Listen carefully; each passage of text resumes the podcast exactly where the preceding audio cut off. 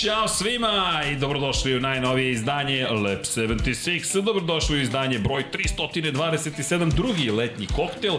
Da ne kažem treći s obzirom na činjenicu da je sinoć bio drugi koktel, ali tome niste mogli da prisustujete. Šalu na stranu, Oluja, prvo ljudi, nadam se da ste svi dobri. Dakle, Oluja koja je protutnjala ovim prostorima nažalost za pamćenje iz pogrešnih razloga, pozdrav svima i zaista nadam se da ste pre svega dobro i da su vaši voljeni dobro, držim vam palčeve da je, da je prosto situacija nekako, da hoću da kažem, bolja nego što smo čitali u vestima i da, da, da će biti prosto ovo samo jedan izuzetak, da nije ovo neka promena vremenskih uslova koja je trajna. Dešavaju se ovakve stvari sa vremena vreme, ali zaista vam pre svega šaljem puno ljubavi i naravno standardno mazite se i pazite se i budite dobri jedni prema drugima.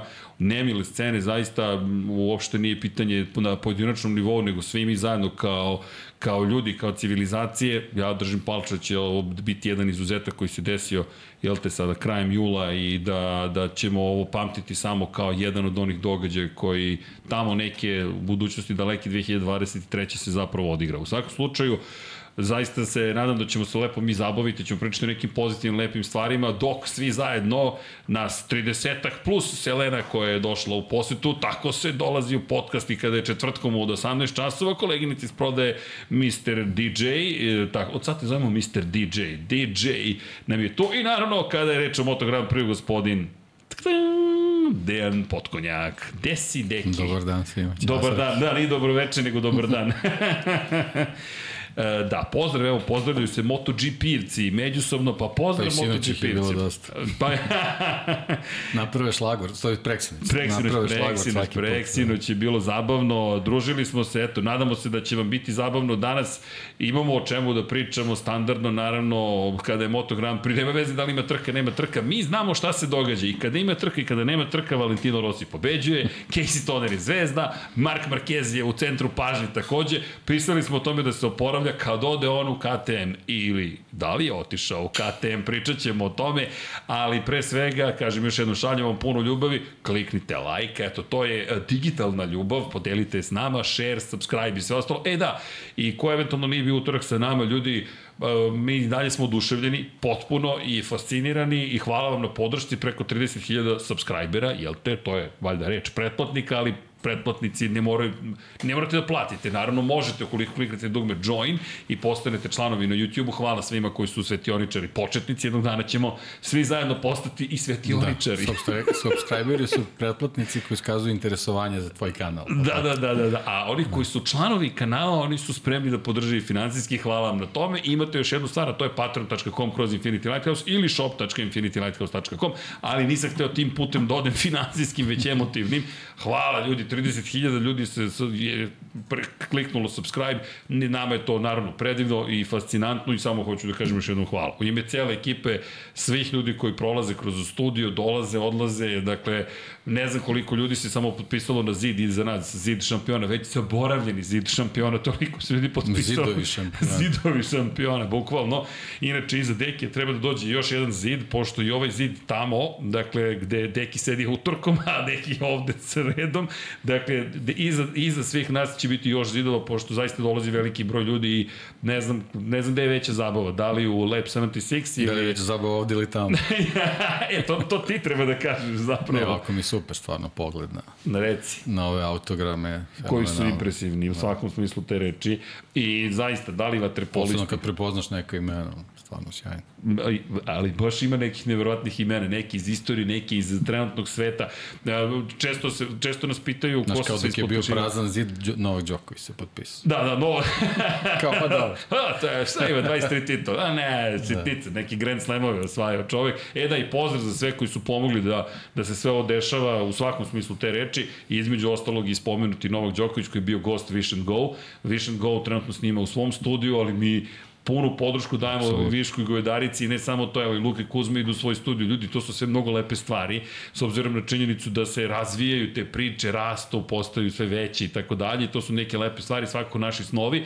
Podrška naravno i za jedan i jedan, i Jao Mile, i pod kapicom, i oni koji su došli pa su prestali da snimaju ispod zemlje se ovde snimao heavy metal podcast. Imali smo Paku glavu, takođe, to možda jednog dana oživi kao keški podcast. Ne znam ko sve je ovde bio, verovatno se, ovde piramida vida radosti Ne, čeka. super je kad ne možeš se setiš. Ne, tako je, tako je, futbolski globus, šta se još, Sefa snima i dalje. Ma šta tek treba da... Čekaj, a Liverpool, ja, faške, ja, fa, evo ih ovde Liverpoolovci, ljudi, Liverpoolovci rastu posle kiše Šta kao rastu? trava, to se rodi, šta? Srđan. Nema, ajde, meni ne mogu da pogodim s Liverpoolom ništa, Vlado, daj mi neke trikove da naučim kako se komunicira sa LFC ekipom, ali ne vredi, ne moraš da budeš deo ekipe, inače jedino tako. Faški koji je vodio, kako se zvao podcast? You'll never walk alone. Walk on. Walk on, kako veš? Šalim se, to je provokacija, vidiš da se prvi put oglasio tokom celog ovog podcasta. To je Čedo, inače bilo DJ-a i, i Fašketa. Inače, Dogma danas slavi, koji rođendan sad? Sedmi. Sedmi. Kreće Od 7 do osnovnu školu. 77. Od 7 do 77, je, aplauz za, za našeg Flašketa i ekipu iz Dogme. Ništa, deki, moramo posle do Dogme. Zbog posla, ne zato što je proslava. U svakom slučaju, dok Ne zbog nas. ne zbog nas, zbog njih, mi ćemo da uvećamo tu proslavu, ali u svakom slučaju, zajedno sa vama i Dogma je deo ove cele priče, SEK, 99 yardi, Kosmos 76, e Kosmos, deki, tu smo, dužnici smo o publici, apropo Kosmosa, mnogo toga, ne znam kako ćemo da se skupljamo, ali... Ne, ja sam se potpisao. Korak po korak. I ti si se potpisao, da, da menjaš temu. Je raketa kod Mika Duana tamo. E da, kada spomenjamo Mika Duana, legende su se pojavile na festivalu brzine. Ali, ljudi, pre svega, hoćemo da vam kažemo da i ovaj letnji period mi provodimo u zabavi i veselju, čekajući motore na stazi. Danas mi je neko pisao, ne, juče mi Marko mi pisao, Srđane, što se ovo odužilo? Drugar Marko, kažem, jeste, odužilo se. Danas srećem Nikolinu koja prati Formulu 1, zove me Vlada koja prati Formulu 1 i kaže, slušaj Erceg, kad je trka nedelju za nedeljom, to mi nekako sada postalo normalno. Imamo jedan vikend pauze, meni kao da se nikad nije desila trka Formula 1. Tek ćete da vidite. Tek ćete da vidite, ali na šta sam razmišljao? Stalno pričamo i koliko trka, ko će sve ovo da izdrži, onda kad ih nema, pa šta sada radimo? Pa kako ćemo bez trka? E, gledat ćemo Lab 76. Čak i koleginica iz prodaje propustila informaciju, što je nemoguća misija, o Lučići Kinelo Racingu i o timačini navodnoj koja se dešava. Tako da ćemo pričati o svemu i svačemu, zato smo se i okupili, a i naravno malo da se družimo, a i Deki ja ne možemo. Jedan bez drugog, bez studija, bez vas i tako. Nije se Da, sinoć je bila pre, prinudna, opravdana pauza, tako da... Da, da, e, da. Juče hvala vam za razumevanje. Naš Aca jeste postao tata, Bojana je postala mama. E, naravno da smo to želeli da nekako proslavimo, obeležimo. Ljudi su rekli juče u 8 sati. Moj komentar je bio, ako ja odem u 8 sati da obeležimo rođenje deteta mog kuma, nisam baš siguran da bi bilo u redu da se pojavim na Lab 76, pošto jel te, to, to podrazumeva odlazak u biblioteku, tako da ne zamerite, to je samo za punoletne, dakle, poruka jeste bila zapravo ljubavi jer se rodilo jedno dete i to je let, mnogo lepa stvar, novi život, tako da smo svi rekli, pa dobro, to je okej. Okay. A onda je krenula oluja, tako da je opšti haos nastao u tom trenutku. U svakom slučaju svi su dobro, zdravo, pravo, da evo, kratak izrašaj, mama, dobro, dete, dobro, jedan dečki se rodio, 3650 grama i sada kreće nova akcija. A stariji brat ima 11 godina više i gleda na YouTube-u videe kako da budem dobar brat. Uh -huh. A, kako se to sada uči? Ne, ne, da ideš u školu, idem na YouTube. Kako da budem dobar bata? Biće Dimi super bata, tako da to su neke lepe stvari. I mi vam se zahvaljujemo što ste imali razumevanje za nas. A sada da krenemo na Krenuli smo od toga da u Moto Grand Prix ništa novo, nešto možda novo nam je izmena, grafite smo š, ubacili malo ulične kulture, promenili thumbnail, pa sad možda ipak nešto novo, ali to ćemo na kraju da dođemo deki. Ajde da krenemo od onoga što je okupiralo mnogo ljudi, mnogo ljudi mi je pisalo radosno, fascinantna je i dalje moć Valentina Rosija, Dakle, tvoj komentar u nedelju je takođe bio, Srki, više gledalaca u Mizanu na Fanatec GT World Challenge-u nego na svetskom šampionatu Superbike u Imoli neverovatno koliko god da poštujem GT trkanje i World Challenge i sve što se događa, budimo realni, efekat Valentina Rosija je neverovatan. I dan danas i čovjek je pobedio, što kaže pa imali su malo sreće, u pravom trenutku vozilo bezbednosti, ali bez obzira mene podstavilo na njegove šampionske dane, kad ti treba malo sreće, ona se nekako desi. U tim šampionskim godinama, kogod da se bori za titulu, nekako pratiti zvezda. Pa da, imali su sreće, ali oni su nekako, čitave sezone su tu u tom GT šampionatu, ovaj, s tim što o, ti GT trka, kao što si rekao, mislim, ima, ima mnogo tih šampionata ovaj, širom planete, evropskih, svetskih, regionalnih, mnogo GT vozača, GT automobila koji su onako prilično slični po, po karakteristikama i upravo to, jako je teško da na tim trkama se očekuje da će uvijek biti velika količina publike, gledalaca koji će biti na, na tribinama. Ovo je Superbike šampionat je jedan i onda nekako, znaš, i mi smo pravili tu najavu vezanu uz Imolu, stvarno ovaj, staza, staza koja može da pruži spektakl kad su motocikli u pitanju, možda je doprinala i, i ta situacija u, u šampionatu gde Alvaro Bautista onako dominira i dalje, eto, desio se taj pad na drugoj trci u Imoli, pa, pa je sad možda situacija kao zakomplikovanija, ovaj, ali ovaj, ja, ono, mislim, očekivao sam naravno da ću Mizanu, lepo je vreme, Rimini, tako dalje, tako dalje, sve, more, sve to more, Jadran. da će biti dosta gledalaca, ali onako da vidiš ponovo jednu tribinu koja je, koja je u žutom stvarno onako fascinantno i to je ono, ono što smo i pričali na početku sezone, ako je uh, taj fanatik GT šampionat ovaj, napravio neki pravi potez, to je tako što šta ta njihova sponzorska kompanija ušla u, u sponzorsku priču s Valentinom Rosijem i, i na pravi način koriste to i mislim da da su napravili pun pogodak. Ti kad pogledaš u, u, u šampionatu uh, plakate kao najave trka, na, na svakom plakatu je Valentino Rossi. Vidi, kad vidiš broj 46 da, prepoznatljivi da, na BMW-u, da.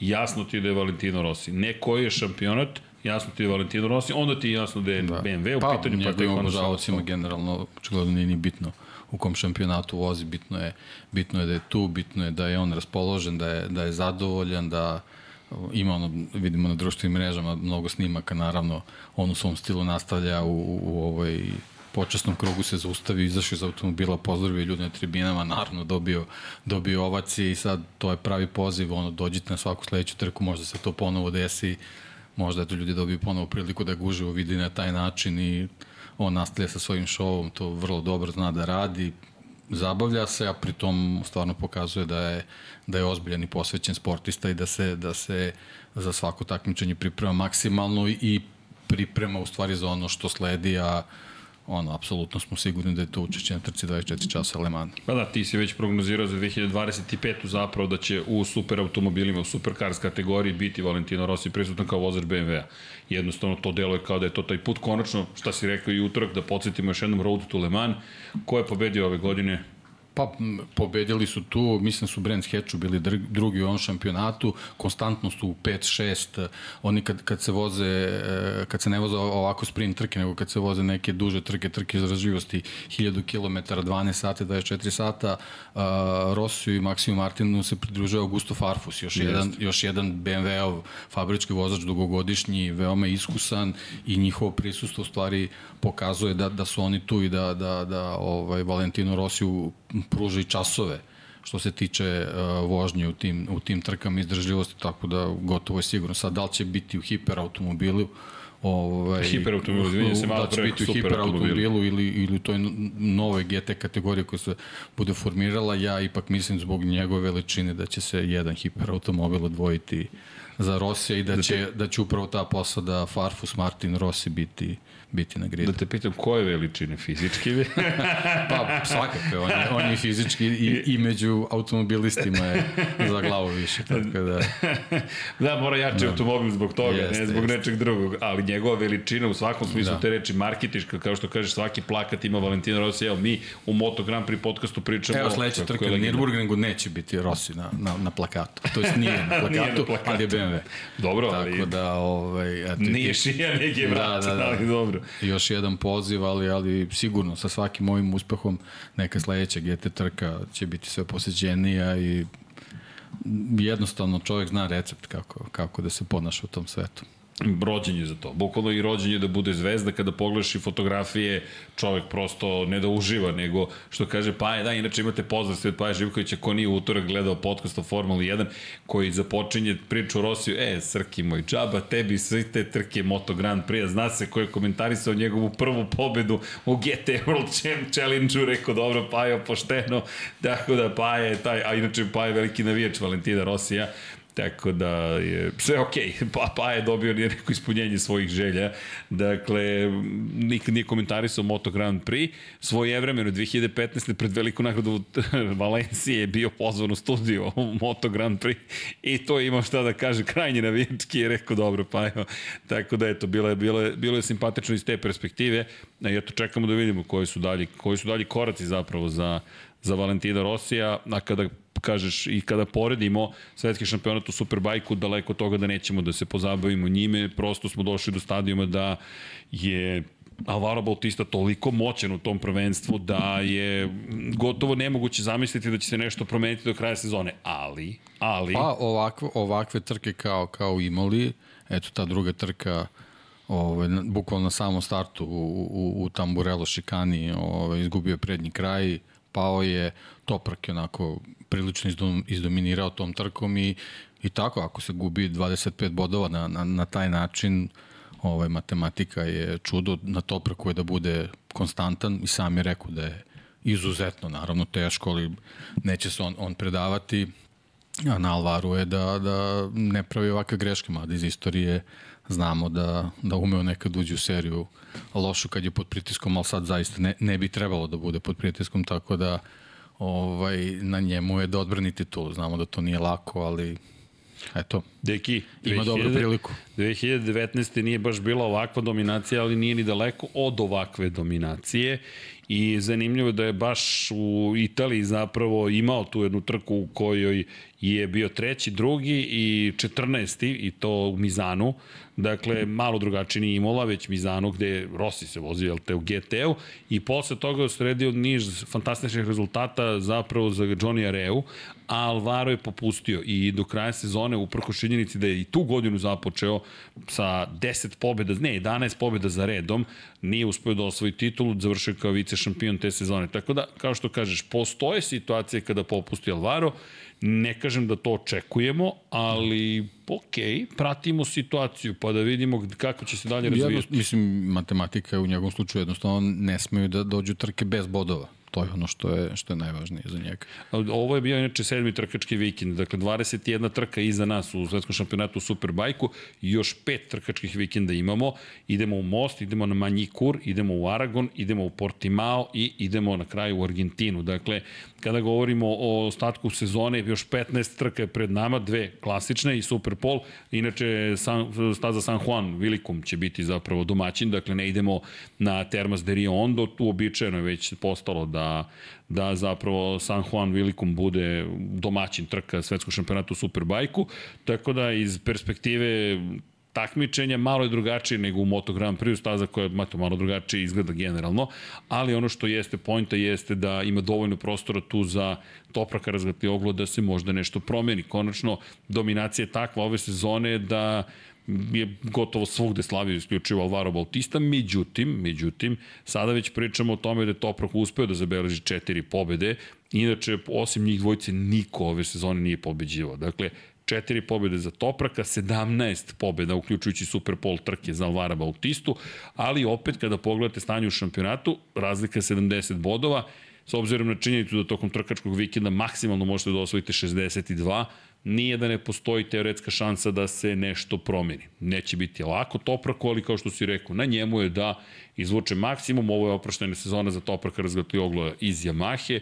Bio je šampion sveta pre dve sezone, prošle godine Bautista mu je oteo titulu.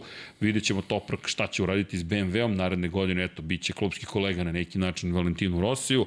U svakom slučaju zanimljive stvari se dešavaju makar malo. Ipak, te mogli smo da dodamo i u Superbajku ništa novo, ali je nešto ipak bilo novo.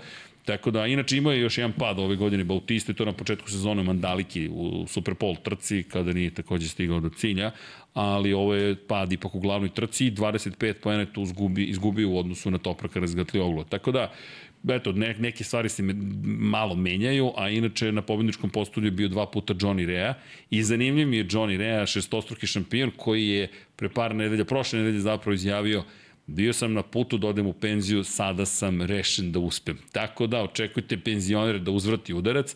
Da li će Kawasaki i Johnny moći to da učine sledeće godine, ne znamo, ali mnogo je bitno što je on rešio da zapravo nastavi svoju karijeru i da to jasno svima stavio do znanja. Inače, Andrea Locatelli koji je treći u šampionatu je bio na trećoj poziciji Superpol trci, tako da eto, na pobedničkom postoju standardna lica i dodao bih u celu priču momka koji se popeo ponovo na pobedničko postolje, o kojem smo malo pričali, Axel Basani, momak koji ima 23 godine, mlad je vozač, bio je na trećem mestu već ove godine i sada je na Da, bio je drugi, drugi upravo u toj trci gde, je Bautista pao i sjajan otpor i pružio ovaj, Topraku do, do trenutka, naravno, dok, dok Toprak nije preuzeo vođstvo, kad je preuzeo već posle pola kruga je bilo je jasno rešio sve, ali Akselu svaka svaka sve čestitke za za vožnju, stvar, stvarno sjajan bio i eto pokazuje i onda da s pravom može da se nada da ove, ove, ove sve priče koje kruže oko, oko Ducatija koji bi evo, baš Jest. možda ovih dana za, za, za, za koji dan u stvari treba da saopšti ko će biti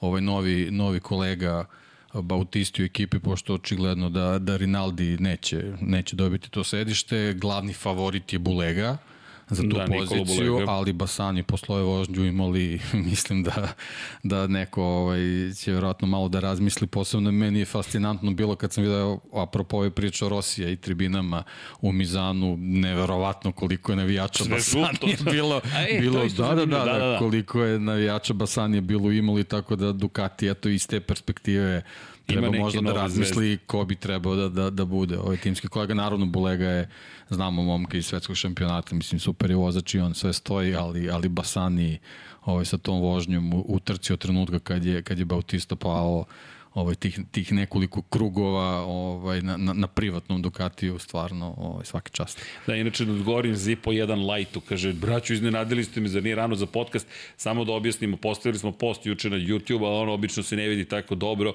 da smo imali malu proslavu, jel te, moj dragi prijatelj Aleksandar je i njegova draga je, su dobili dete i onda smo dobili poziv u sred podcasta i da je, da je možda u, u jeku sezone možda, možda bismo nešto pomerili, ali sam smatrao da ipak ne, nije primereno da u ovom trenutku kada možemo malo i uz vaše razumevanje da pomeramo satnicu, da ja ipak pomerimo podcast na, na četvrtaka. Zašto večeras nije u 21, pa naši drugari iz 1 na 1 su već... Redovan termin. tako je najavili, a mi ne upadamo ljudima u termine, tako da, tako da smo malo to pomerili. Ali da, ove godine ćemo možda imati, to jest sigurno ćemo imati pomeranje termina s obzirom na činjenicu da da će nam Paja biti na Waterpolu utorkom, tako da ćemo verovatno pomeriti Moto Grand Prix na utorak, a Formula 1 na ponedeljak pošto želimo i dalje da ne, ne volimo da menjamo termine, nekako to su naši termini, nije ni bitno šta kaže neki, neka logika, prosto odnos sa vama je nama jedino bitan, ne logika,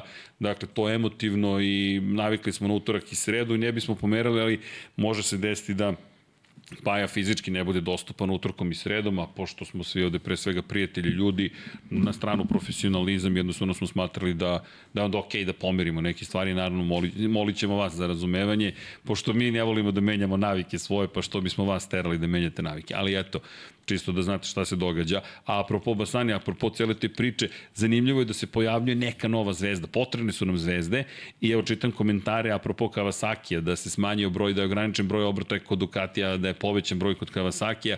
Zapravo Kawasaki je vraćen broj obrtaja koje je nekada imao. Konačno. Da. Konačno. Ducatiju je smanjen, nisam za smanjivanje, nisam uopšte za, za ograničenja. Voleo bih da nisu ni na Ducati uticali, već da su ostavili stvari na, bez ograničenja za jedne i za druge. Pa Konačno. ne, paradoksalno, eto, mislim, preći ćemo na tu priču ovaj, kako se dešavaju te ograničenja Superbajku, dok sa druge strane i dalje imamo nekontrolisani, da kažem, razvoj u Moto Grand Prix-u i neki asovi su ovih dana pričali o tome gde to može da odvede i generalno uh, u kakvu zamku može da upadne Moto Grand Prix tamo se dešavaju stvarno nevjerovatne stvari, da mi imamo 370 km na sat maksimalne brzine, a ovamo s druge strane u Superbajku gde, gde a, se jednoj ekipi ograničava snaga koja se vidi kod drugih. Znači nešto što već postoji. Nikome se ne ograničava nešto što odlazi u, u, u stratosferu. Nije, Nije u ekstremu, nego bukvalno ne dozvoljavaju da, da budu identični, što je meni onako smeta mi, a vidi se eto po tim trkama u imali kako može jako zanimljivo da bude kada, kada, bi, kada bismo imali tri proizvođača sa motociklima a, koji su gotovo podjednaki po snazi, a to su proizvođači koji apsolutno to mogu da proizvedu. I još jedna bitna stvar, to su različite trkačke, to jest e, sportske filozofije u kontekstu proizvodnje tih motocikala i konstrukcije, a opet nam daju tako neizvesne rezultate. Yes. I to je čak, čak lepota. i sa, sa tim ograničenjima. Tako je.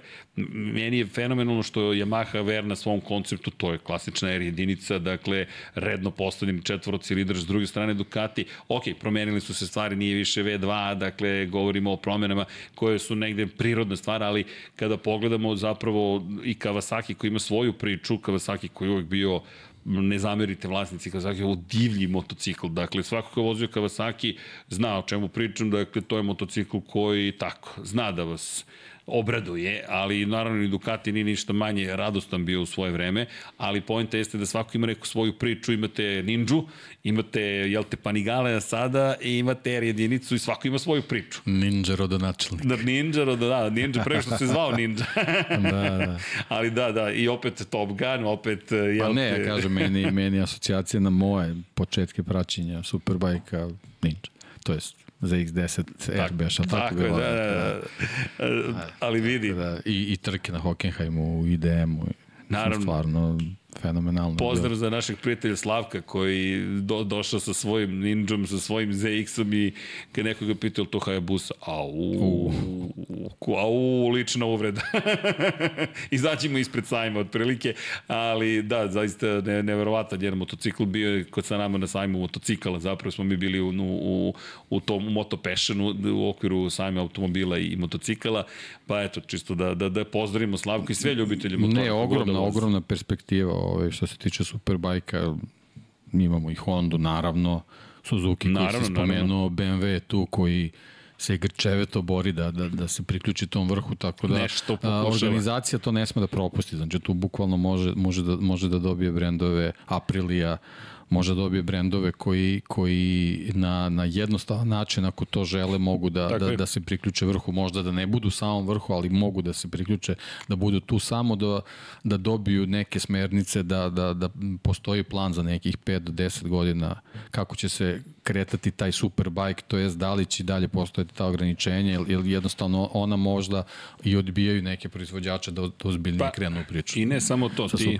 ti dolaziš u situaciju da zapravo previše utičeš na ishod takmičenja. Tako je. I to ono što se ne dopada ni publici, makar je to moj utisak. A dobra da, je da stvar da zato što jako je malo mesto u Moto Grand Prix-u i Superbike ima odličnu priliku da vrhunske vozače iz američkih, britanskih, iz Moto2 šampionata dobije u svojim redovima zato što može da ima, ako dobro organizuje tu priču, bukvalno neograničen broj mesta za, za vrhunske vozače, ali imamo najavu Sam Lowe's će sledeće godine sa Mark VDS-om da pređe u da, da Superbike. Da, što je velika stvar. Pričali smo još pre dve sezone o tome, on je definitivno ljubimac Mark VDS-a i to čoveku, vlasniku Marku Van de Stratenu uopšte nije poseban izdatak da priušti Samu Lovsu da dođe Superbike. Ali dve stvari. Mark van der Straten je, ukoliko ne znate njegov istorijat, kratki istorijat. Mark van der Straten je čovek koji ima ogromno nasledđe u proizvodnji piva zovu ga pivskim baronom, takozvanim, tak kad kažem baron, ne u smislu da on neke priče izmišlja, nego da je baron. Dakle, čovek je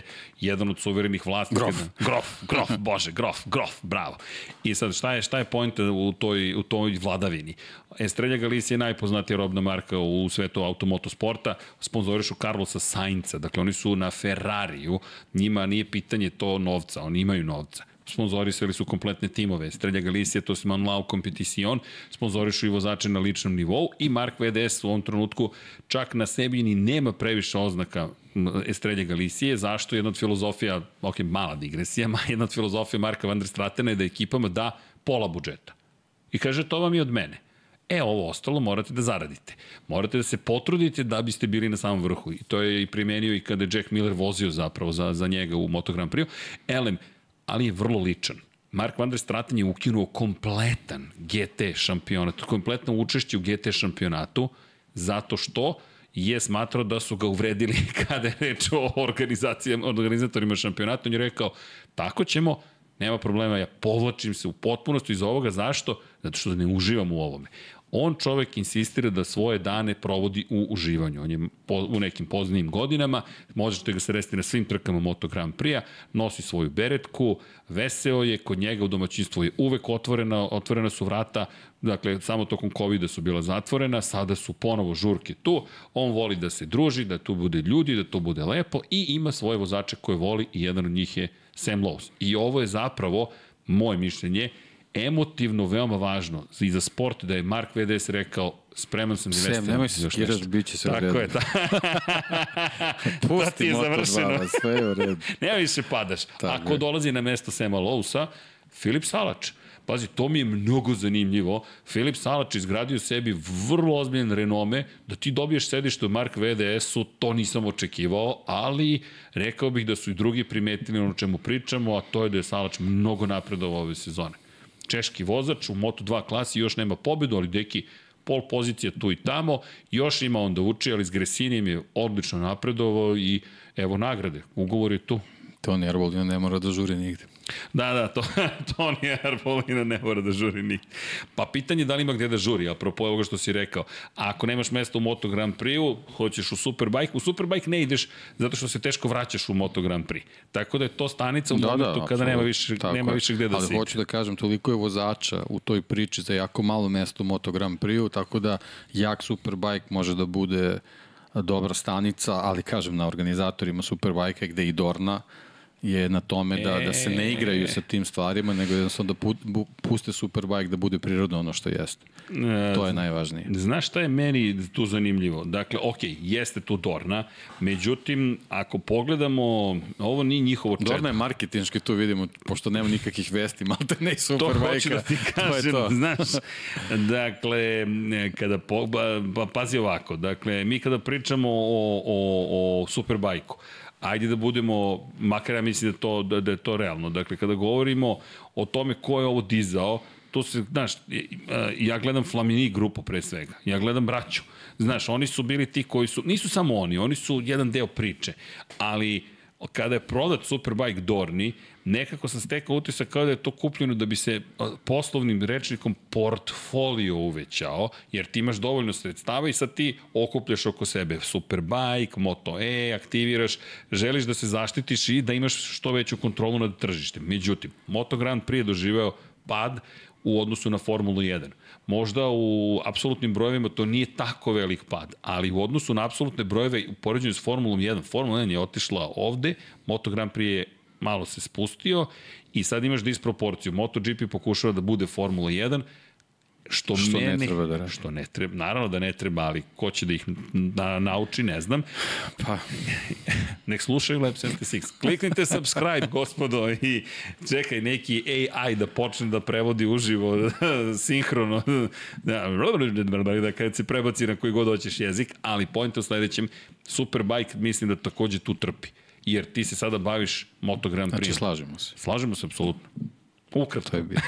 To je bio. Ukratko, ali objašnjam zašto ne, se ne, slažemo. Ne, zašalim se, stvarno, sve, sve ovo plus, plus imamo situaciju. Ja sam uvek taj Superbike nekako gledao u odnosu na, uh, ne znam sad kako to da kažem, španski Moto Grand Prix ako, ako razumeš to. Razumete, naš razumete. organizacijono. Tako je, tako Superbike je, tako je uvek nekako bio vezan tu, tu za, za Italiju, za Lezmo, za, za, za čitavu tu priču. Ovo, I ti sad imaš, imaš Danila Petruća, imaš u Superbike, imaćeš Andreju Janone u Superbike. Da, da, Andreja Janone stiže u Superbike. To, to moraš da iskoristiš, jednostavno ne, ne može to tek tako da prođe. Sam Lowe's ti dolazi, dolazi ti ekipa čitava. Znači, imaš... ja verujem da će cela garaža Sam Lowe's iz Moto dvojke doći u Superbike. Da, da, imaš Johnny Areu koji je velika zvezda sam po sebi. Imaš Topraka, Toprak razgatli oglu, a imaš sada u celoj, u celoj priči Alvara Bautistu koji je neku novu karijeru stvorio To su sada tvoje zvezde. Basanje koji ima svoju tribinu. Basani, kao neka nova ja, ja sam zvezda. šokiran bio, zaista. Mislim, no, to je neverovatno. Ali lepo je to videti. Znaš... Verovatno celo mesto došlo njegovo, ja sad ne, nemam pojma, ali, ali to, to, su, to, su, to su ti impulsi koji moraju da se prate. Znači, ne, nemaš tu šta da, da filozofiraš i da, da budeš pametan. Samo, pa, izvini. samo izađeš, izađeš na pit voli, pogledaš tribine i, i, i prema tome usmeravaš priču. A, a Remy Gardner, jedan Gardner da. ti tu, svetski šampion. U, tata je baš bio grup. Da. U, tata je... Uh, Remi, Remi. Remi, Remi, Remi je remizirao. Ali dobro, doći ćemo do Remija. Samo sam htio da spomenem još neka od imena. Znaš ko je zaboravljeni danas? Potpuno zaboravljen, Tom Sykes. Tom Sykes, koji je nestao, a koji je takođe bio velika Scott zvezda. Redding. Scott Redding, zaboravio sam Scott Redding. Ne, ne, mnogo je, mnogo je, kažem, već, već sad na gridu ti stvarno imaš mnogo imena koje moraš da eksploatišeš, moraš, moraš da, da, da jednostavno posvetiš pažnju da, da, da, da ljudi kroz ta imena u stvari dobiju pozivnicu da prate Superbike. I ja, evo, ja svim ljudima koji ovo slušaju, kogod ima priliku, otidite na trku Superbike da vidite šta je to, da vidite super sport, Superbike, kakve su to trke. Znaš šta mi, Zaista. Podsjećaš me sada na 2015. i kraj sezone kada je bio onaj čuveni moment između Marka Markeza i Valentina Rosija, kada je ozbiljna diskusija bila posle te Sad sam poslednje se toga trke. setio kad si pričao o Moto Grand Prix sam- koji je stizao Formula 1 po sam- popularnosti. To, to, po popularnosti stiza i to hoću ti kažem. Znam da su svi bili u Dorni u panici, jer je Rossi negde između redova pričao o tome da je možda bolje da ode u Superbike. I znam da su svi postavili pitanje, hoće otići u Superbike. Jer da je 2016. otišao u Superbike, nisam siguran ko bi od publike ostao. I to stalno napominjem, mislim da je Valentino Rossi takođe nije želeo da uništi Moto Grand Prix. Imao je moć da ga uništi u tom trenutku. Bukvalno, mogao je da kaže ne. Ja ne verujem u ovaj šampionat. 70% publike verujem da bi reklo njegovih navijača, ok, gde idemo? Gde idemo? Jer je to tako, lično. Pa, ovo je sad ista priča. Gde Rossi vozi? Šampionat? Nije bitno. Potpuno ne. Automobil? To se Kakve zove veze? turneja Važno je Valentina da na tom Rosija. automobilu stoji ovaj broj. To je bitno da mogu da ga prate, da vide gde je na stazi. Znaš kako, to je bitno. Znaš kako to zove moj drugar Nikola? To ti je turneja Zdravka Čolića po bivšim zemljama Jugoslavije. Dakle, ne, ne, ozbiljan sam. Zdravko Čolić je ljudi mega zvezda. Dakle, nije bitno biti pitanje muzike. Ja se zaista ne mešam muzički ukuse. Slušajte šta vama prija. Nemojte niko da vam govori šta ćete vi da slušate ili Tako ne. je. Dakle, ali Zdravko Čolić je mega giga zvezda. Gde god da ode, ja znam ljude koji dolaze spa, specijalno iz Švedske na njegove koncerte i prate ga po Zagrebu, Banja Luci, Sarajevu, Beogradu, Skoplju, Podgorici, nemam pojma gde čovjek sve peva, ali gde god da ide, ljudi ga prate. I to je, to je planski se dolazi. Dakle, sa ovih prostora, ljudi koji žive van ovih prostora, prosto to je Zdravko Čolić. E, to vam je Valentino Rossi. Aha, Rossi je u Mizanu. Šta vozi? Ma, Rossi je u Mizanu, čoveče, ne, ne razumem šta, šta, šta, šta nosi, ne, šta vozi, a okej. Jer znam koliko ljudi mi kaže, kad će Rossi biti u Mizanu, to jest kad će biti ne u Mizanu, nego u Tavulji da odem u pizzeriju. Kao da on živi čovjek u pizzeriji, a prilike peče picu i sad hoće da posluži. Ali su ti šanse velike da ćeš ga sresti. Ta, to je ta veličina zvezde koja jeste Valentino Rossi. I da je otišao u Superbike, mislim da bi istorija u nekom alternativnom univerzumu, u nekom Da multiversu, neki drugi šampionat pratio. Bukvalno bi se pratio drugi šampionat. Svi bi otišli tamo, sponzori bi otišli tamo, i TV prava bi otišla tamo, ne znam šta bi se dešao. I znam da je baš bio ozbiljan strah. I zato kažem, Rossi zapravo da je hteo atomski da izvede, bukvalno su svi pričali o atomskom udaru, Sleva. Sleva, e da. Ovo je referencu razume opet samo vlada. E moj vladu, u kojim si ti godinama čoveče. Ali da, to je za one koji su imali obavezno Čojane služenje. Da. da, da, da, atomski sleva i ti onda trčeš na desno i bacaš se, podižeš kragnu, jer ako atomski udar tamo ovako smanjuješ šanse da budeš povređen, vadiš ZM, zaštitnu masku 1, navlačiš na glavu i kad prođe atomski udar se tapkaš iz, iz rapa rezervnog alata i pribora, vadiš papir, neke specijalne maramice zato što je radioaktivni otpad Neki plasivo. Ne. Uzmi vlažnu maramicu, važi. Nešto najgore, to stvarno pomaže, ali, znaš, kao, Pa udara atomska bomba tamo negde, ljudi, aman, znaš, kao, uh, ali dobro. Dobro, otišli smo Otišli smo predaleko, ali eto, mogao je to da izvedi, znam da se baš taj termin koristio, da je pola ljudi u Valenciji bi živalo u strahu, otprilike šta će se desiti.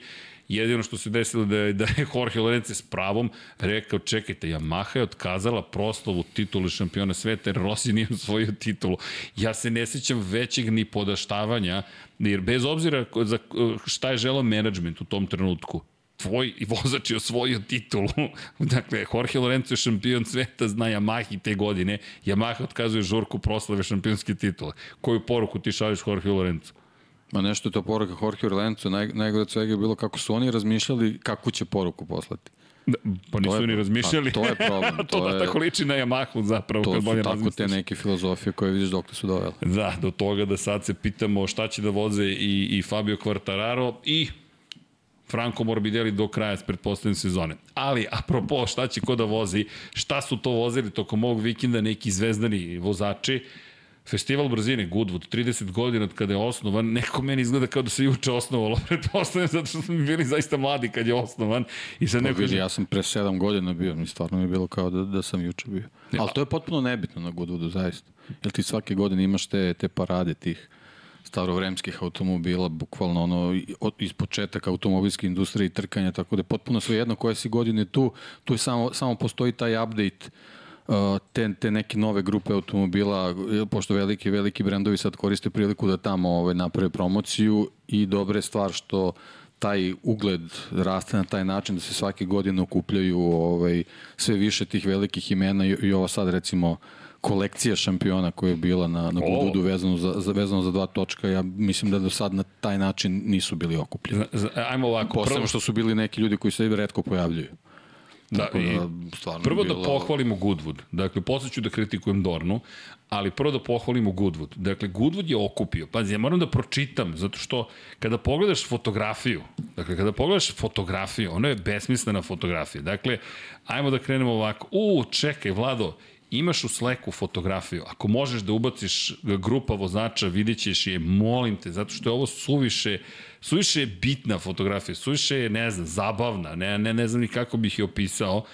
O, ovo je jedan od onih trenutaka koje, koji se zaista pamte u istoriji, koji mi prisustvovao čudno mi čuda, Ovo je za... Šaljem poruku za jednu, pa mreže. samo da... da nije, Deki nije, insistira se nešto fotnemo. Nema, Deki ima te trenutke, vidim ga kako nešto fotografiše po stolu, neki kadrovi i tako dalje.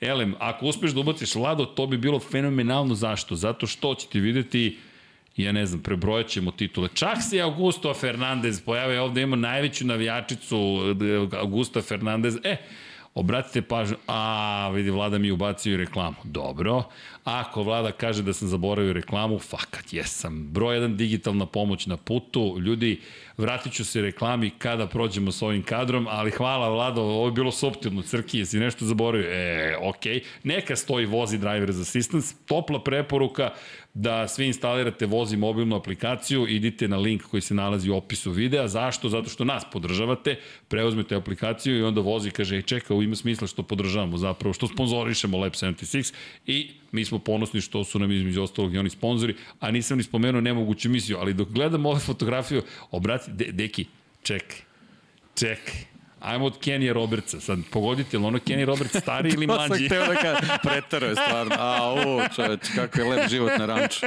Reci. Pa stariji od Ćaleta. Bukvalno je stariji od Ćaleta. Aj, ja. Ako se pitate da li je... Pa pogledaj Mamolu, pogledaj pa, Gardnera, pa čoveče stariji od njih. Upao neku vremensku mašinu. Upao u rezervoar. Bukvalno, ko zna šta je bio. Samo kaciga, evo, po kacigi znam da je on. Ajmo ovako. Ja, ovako. Dakle, Dakle, Deki je vrlo, vrlo, kako bih rekao, kao, kao Wayne Gardner je prema, prema vozačima koji nisu fit. Dakle, dakle. dakle gornji levi ugao uh, kada posmatrate ekran, jel te, s desne strane iz njihove perspektive, prepoznaćete ga po kacigi. Šampionska kaciga iz 2000. Kenny Roberts mlađi. Dakle. Nula za, za izgled. Deki je surov, dakle, nema kod Deki je to body shaming i to odmah ide yeah. na stotku. Vidi nova generacija kako te gleda šokirano. A mi ne štedimo ni sebe, Selena, tako da... ne, ne, stvarno, ba, stvarno preteruje. za motociklistu, Oki, Deki je surov. Ja, A, ja sam politički korektan. Evo, us, uskoro ćemo komentarisati nekog drugog. Ajmo da. E, dole je, inače, jedna titula šampiona sveta. Dole kleči u Red Bullovim bojama bojama i KTM-ovim bojama, jel te, gospodin Brad Binder, šampion sveta iz 2016. Moto3 kategorije. Inače, Kenny je osvojio titulu 500 kubika u kraljinskoj klasi 2000. Pored njega, u crvenim bojama nasmeni, Enea Zver Bastianini koji kaže da je 100% spreman i da ga se čuvaju rivali u Silverstonu 6. avgusta. Jedna titula šampiona sveta 2020. godine u Moto2 kategoriji. Dole kleči u gas bojama, jel te, gospodina Augusto Fernandez, još jedna titula šampiona sveta Moto2. Če samo pogledaj osmehe Fernandeza i Bindera.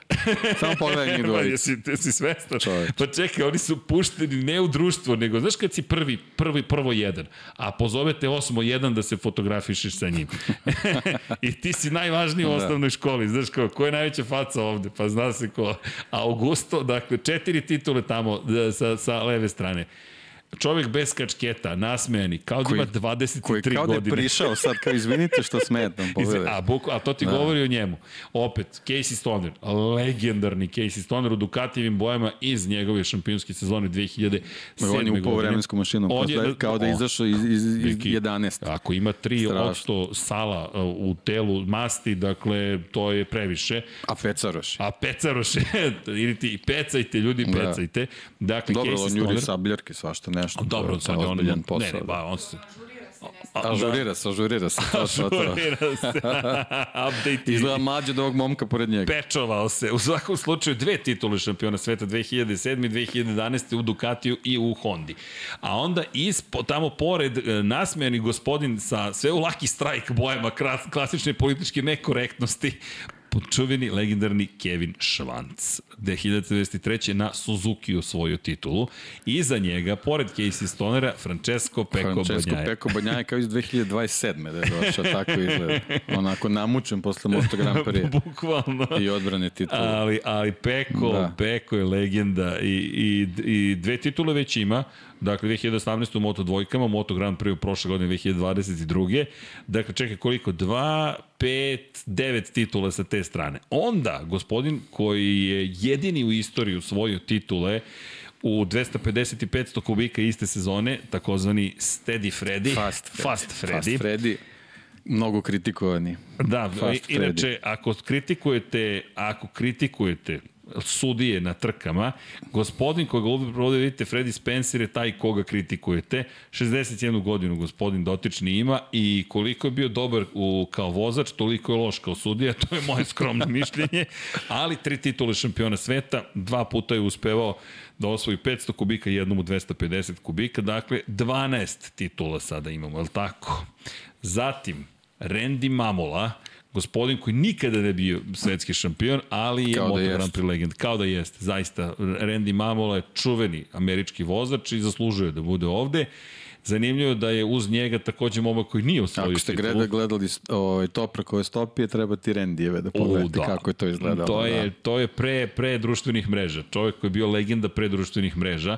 Inače u aprilnim bojama kleči gospodin koji je zanimljivo, ne nosi RNF aprilija boje. Jako važna stvar. Da, da. Čisto da, da se zna koga je poslao, o, o kojim poslom i kojim dobrom je bio u Goodwoodu.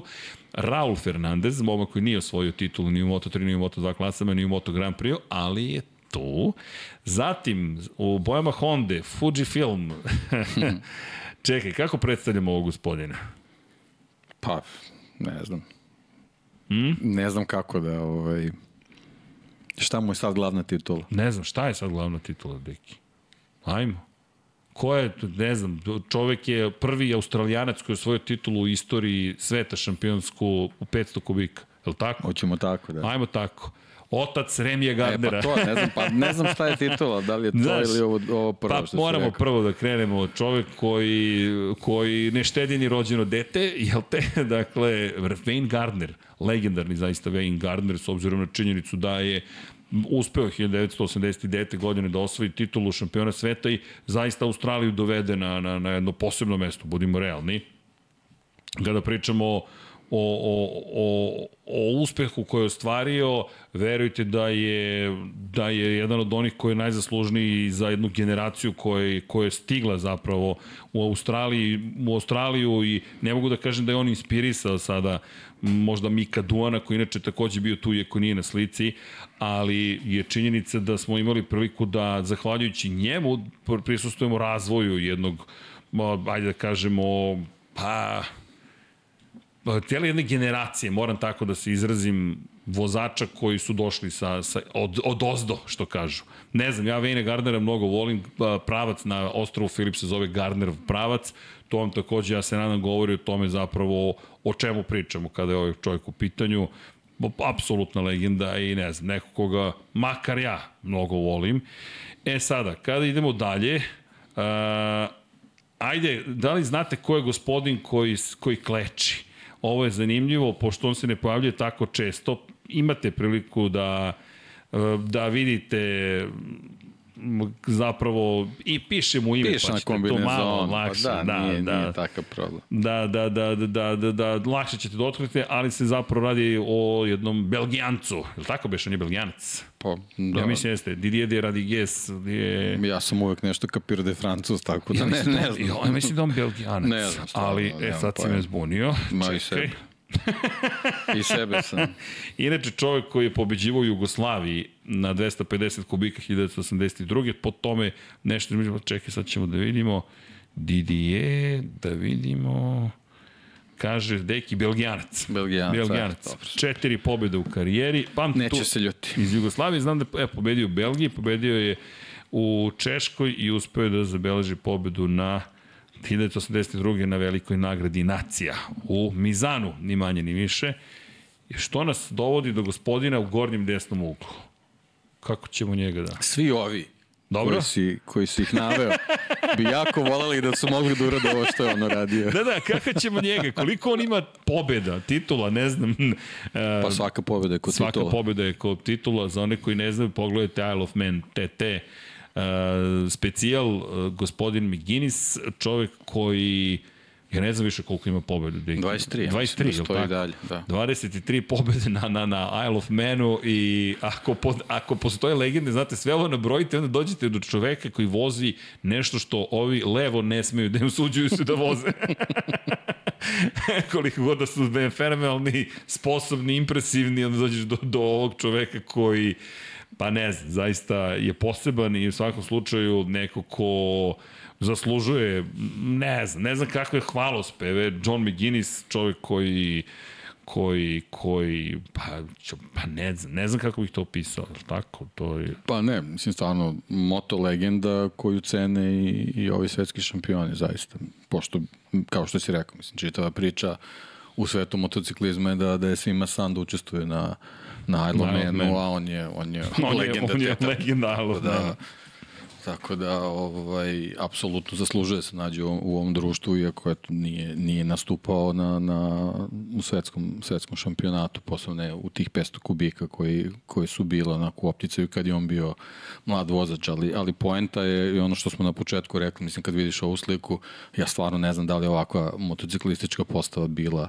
ikad na Goodwoodu, a u stvari je i priznanje za Goodwood kad ovakva ekipa dođe da, da ovaj da, da, da fabrike pošalju motocikle evo vidim ispred im gleda u njih Caseyjev Caseyjev Ducati tako da ovaj Jeste. ja recimo eh, kad sam bio samo su na displeju bili bio je Caseyjev Ducati i bio je Superbike uh, Troja Bayliss ali samo na displeju Ne, ne, sada su ih i vozili. sad su ih vozili da Sad su ih, inače, pojavio se Giacomo Agostini, Giacomo Agostini koji ima 15 Da. titula Da, u šampionatu sveta, koji nije ni stao u fotografiju. Bio je tu Mick Duan takođe. A, dobro verujem da su ovo momci koji su vozili Da, da, da, nego samo eto da znate prosto da, da, da je, kada reč o motociklizmu, festival brzine, ne znam, možda mi u motociklizmu čak bio impresivniji nego u četvorotočkašima po, po imenima koje su se pojavila. Po imenima da, mislim, automobilizam je sam po sebi u, u toj meri specifičan, kao što sam rekao, zbog tog displeja automobila koji, koji, se, koji se nađu tamo, formula, starovremskih automobila, trkačkih automobila pre, pre, pre ratova, pre, tu, su bili autom, tu, tu se nađu automobili koji su pre, pre prvog svetskog rata, tamo negde 906. 7. mislim, stvarno ovaj, impresivno, impresivno zaista bude, a, a velika je stvar kad se pojave ovakve imena, jer, jer tamo je nekako, a, t- no, znaš, pošto se sve dešava u, u Britaniji, tamo je potpuno normalno da, da sretneš Jackie Stewarta u gumenim čizmama koji, koji se šeta tamo ko- ko- preko njiva, naravno, jedan dan mora da pada kiša, Mora da a ove godine kiša. bilo, bilo je jako loše vreme, ove, čak su, čak su, čak su ove, imali situacije da se morali da odlože neke nastupe, Jest. onda ovamo recimo na, na VRC poligonu Peter Solberg je bio, bila je mislim, čitava plejada tih vozača, ali to je nekako već uobičajeno za Goodwood. Motociklisti sve više i više ovaj, pažnje poklanjaju ov, ovom, ovoj manifestaciji, između ostalog zato što i automobilski giganti sve više prezentacija automobila održavaju tamo, Pa da. pošto su oni uglavnom u nekim grupacijama koje, koje drže i motociklizam, onda, onda je sasvim okej da se, da se i motofabrike verovatno pojavljaju u sklopu tih aktivnosti, što apsolutno naravno nam ne smeta i, i odlično je što se to tako i dešava. E, kada je reč o, o razvoju Goodwooda, moram ti priznati da nisam očekivao nužno da će ići u ovom smeru i prijatno sam iznenađen i oduševljen iskreno, jer nekako sam Goodwood uvijek asocirao sa Formulom 1, kada je reč o onome što ajde mi baš intimno pratimo i onda u poslednjih par godina ta promjena koja se desila, nekako pogotovo posle covid -a. i ta pojava, mislim da prošle godine kada je Wayne Rainey došao i seo na svoju Yamahu posle toliko godina, okružen ljudima s kojima se borio, dakle Mick Duan je tu, tu je Kevin Schwantz, tu je Wayne Gardner, tu su neki ljudi koji su stvorili jednu od prethodnih zlatnih era Moto Grand Prix-a i odjednom oni su tu kao da je, ne znam, meni je nekako emotivno, kao da neka iskra se upalila i sada vidiš da si i fabrike shvataju pa, zbiljnost Dobra Goodwooda. stvar sa Goodwoodom je što uz te displeje koji su uobičajeni tamo. Znači ti tu, tu postoje uh, automobili, motocikli koji iz godine u godinu kolekcionari donose, izlažu se i tako dalje i tako dalje. A svake godine postoji vezan za organizaciju jedan deo koji se posebno apostrofira i koji privlači publiku za tu godinu zato što se to se ta dešava i možda više nikad neće. Jasno. I bukvalno se tako i predstavlja. I to je prošle godine recimo bila ta priča sa, sa Vejnom Rejnijem i njegovim ono, ponovnim druženjem sa, sa, sa Yamahinom pestotkom, onda ova, ova postava koju smo imali ovaj, u motociklizmu, verovatno je i, i u automobilizmu bilo, uh, bilo i ove godine nešto što, što se po, posebno pamtilo i to je dobra stvar što, što organizatori na taj način privlače ljude, ne samo kao neki, eto, skup za ljubljenika u automotosport i, i generalno u automobilizam i motociklizam, zato što se to svake godine dešava, ali imaju imaju tu tu iskru i umeju to da naprave da da uvek postoji nešto drugačije zbog čega do, ponovo dođu oni koji su već bili požele da ponovo dođu a dođu neki koji možda nikad nisu bili onda se zaljubi u Good, Goodwood i, i ostanu za uvek vezani za njega jer, jer to zaista Goodwood to i zaslužuje ja sam eto imao te sreće ja sam te 2016. kad sam bio na Goodwoodu uh, imao prilike da sednem u kokpit one čuvene Toyota sa, sa Le Mana koja je stala u poslednjem krugu na, wow. na pit wall. Ja kao ću da sedneš unutra. Znaš, mislim, Jok ti ćeš. to, to su te neke stvari, znači taj automobil je bio tamo na displeju i ljudi su dobili priliku da, da eto, ali i na taj način je, se povežu s tim. E, ali to je nešto, izvini, da. što u automotosportu taj emotivni moment još uvek postoji. Možda ja idealizujem stvari, ali ono što, što, što mi malo nedostaje u, u, i to volim da vidim, na primjer šta mi, šta mi mnogo prije u poslednje vreme kada je reč o podcastima u smislu otvorenosti e, košarkaša, futbalera u toj formi, isto važi za automotosport, ali postoji nešto drugo. Kada u automotosportu si dalje insistira na intimizaciji, u smislu toga da ti imaš, ne, neću reći baš idolo poklonstvo, ali nije ni daleko od toga. E, ovo je taj automobil, znaš, ti diraš nekakvu istoriju, ej, to je to. Znaš, nema ono, e, ovo je lopta kojom je, ne znam, Jordan postigao pojene protiv Jute, pa ti to ovde se dešava, ali imaš situaciju koja se poštoji, gde ti, ali imaš i mogućnost uđi u taj automobil. Pa ne, da, da, nije od da, šećera, da, man, da, da, prežive 24 da, da, da. časa ne, oni, oni te automobile voze, mislim, često se dešavalo. Pa Rossi je, mislim, kad je, kad je nastupao da je udario s jednim automobilom u To moram da pronađem. Da, nisam bilo je to... da je neko skoro slupao jedan od bolida iz 80 neke. Ma bilo je, ove godine je bilo neko, neko je Porsche sa Le Mana, moteo mu se automobil, udario u Balesena, otkinuo je spoiler. Kao, pa nema veze, napravit ćemo sve u redu. Kao što je Dešava Leclerc se. udario Laudin Ferrari. Istini za volju otpale su kočnice pre sve, nego što je udario. Pa da, ali, ali nema veze. da ga nije koristio, ne bi se ne to desilo. Ne bi otpale kočnice, tako. Tamo tako. je potpuno normalno, tamo je ovaj, Hesket jeste, Jamesa Hunta, jeste, jeste. regularno se vozi bez ikakvog problema. Bruno Sena je vozio Senin McLaren, Mick Schumacher je ove godine je vozio Mihajlov Mercedes. To je recimo bio, bio jedan od highlighta auto dešavanja, izlazak Schumacherovog Mihajlovog Mercedesa, mik sa sve tatinim kombinezonom i kacigom je izašao na stazu i to je recimo bilo, bilo jedno zbog stvari zbog kojih su ljudi taj dan došli na budu. Da, inače, kada spomenjem, ajde malo Formulu 1, bio je Sebastian Vettel prisutan, vozio je FW14B, koji u njegovom vlasništvu... Ne, vozio je McLaren.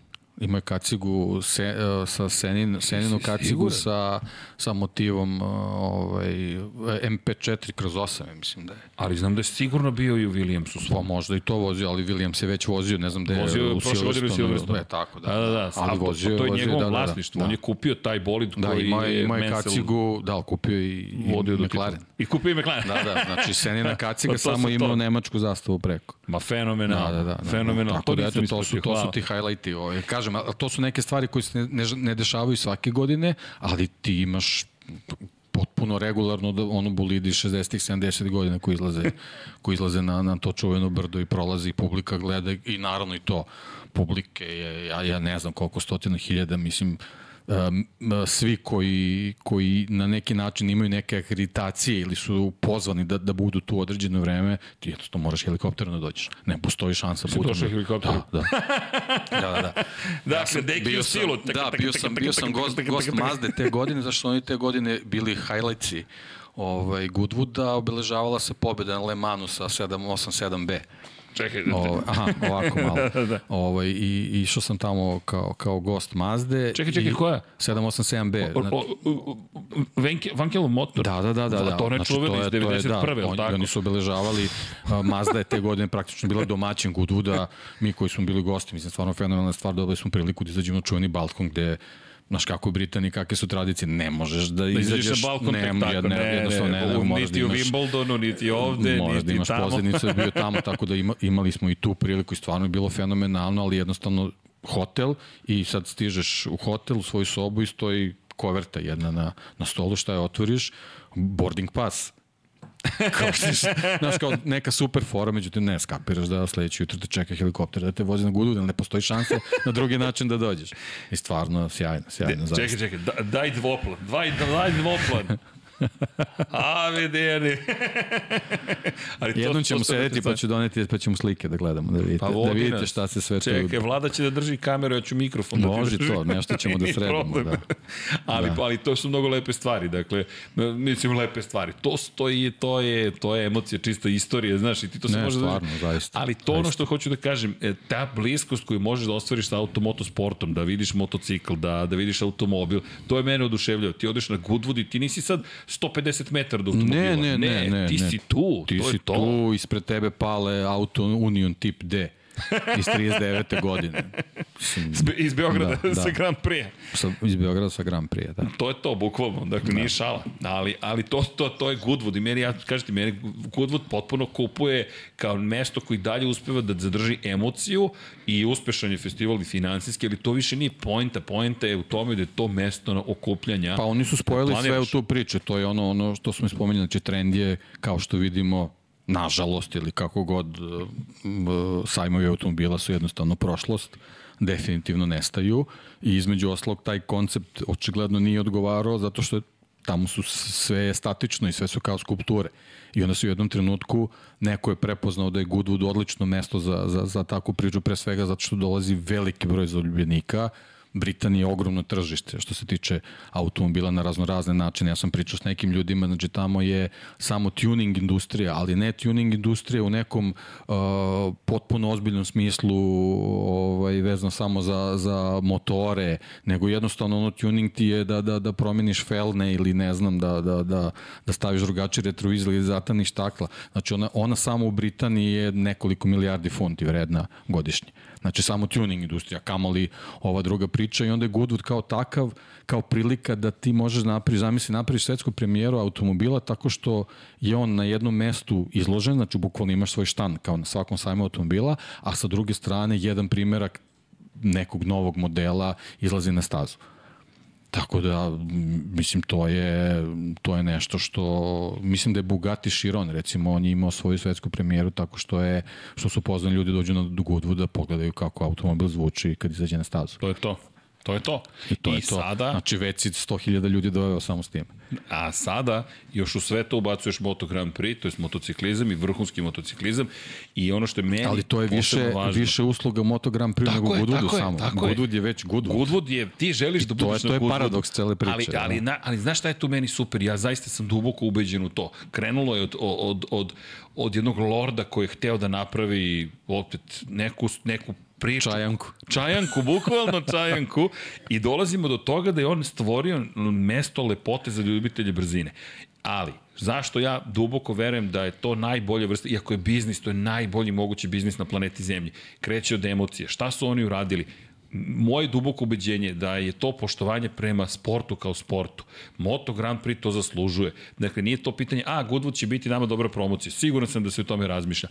Ali samo zamisli ko, Goodwood kako posmatra nešto što zaslužuje takvo poštovanje. E to je ono što mislim da je pogotovo ovo doba mnogo važno da se održava. I zato sam zaljubljen u Goodwood sve više i više, jer je to zaista festival brzine. Ako ti veruješ da si festival brzine, pa nećeš reći, e, da li si ti dovoljno bitan, na, naravno se podrazumije možeš da budeš dovoljno bitan. Ne, ti si dovoljno posvećen ljubavi prema brzini. Ti si svetski šampionat u motociklizmu. Aman, Evo, izvini, to je samo, suština. samo da... Evo, to je to. Inače, imamo, to to, ne imamo odgovor. Da, ne smem da ti pokažem, Da, da, da, da, da, ali, ali u drugima, pravu si, je, evo, fetel, pa, da. napisao je Haris Osmić, pozdrav za Harisa, rekao je da je zapravo, da je oba vozio Fetel. Da, da, da. Da je da, da. i Senin vozio i da je vozio Mensalov. Dakle, čovek, ej, on je pajeni moj čovek.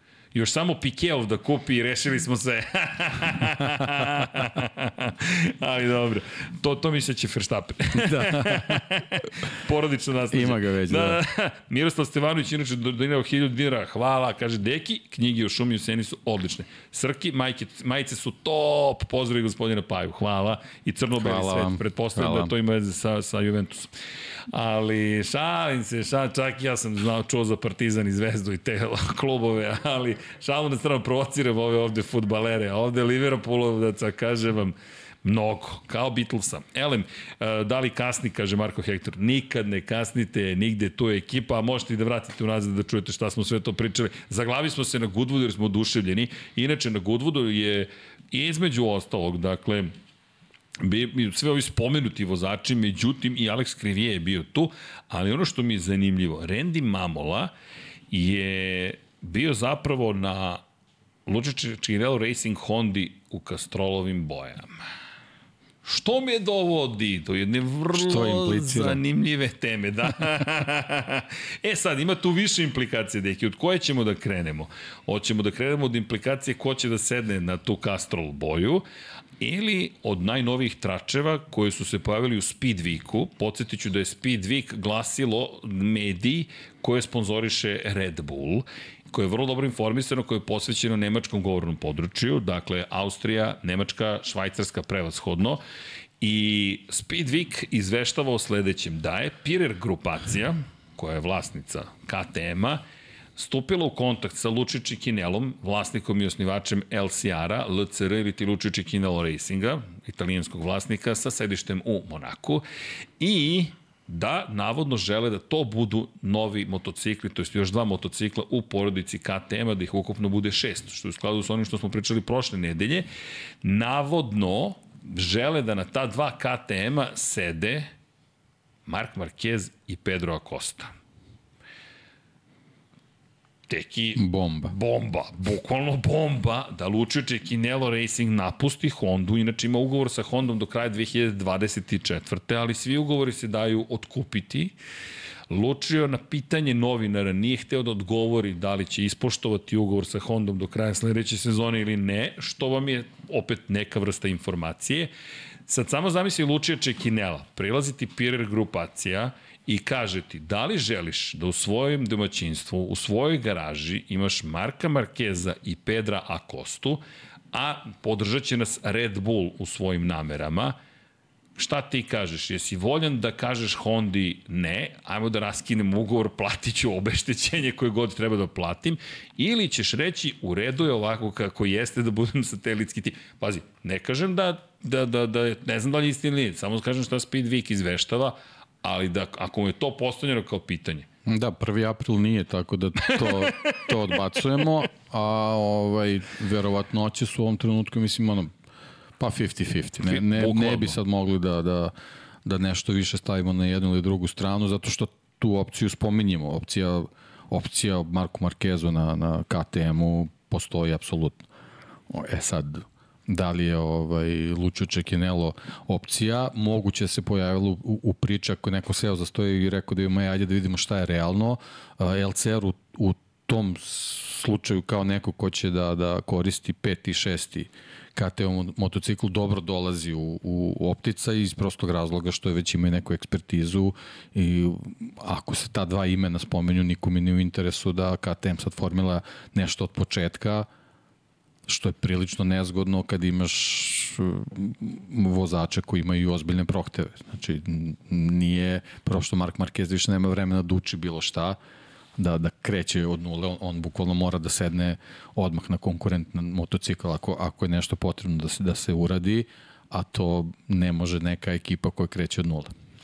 Postoji Zbog opcija. toga je možda LCR došao u priču da da neko pusti ovaj u opticaj takvu, takvu mogućnost zato što se radi u jednoj ozbiljnoj ekipi.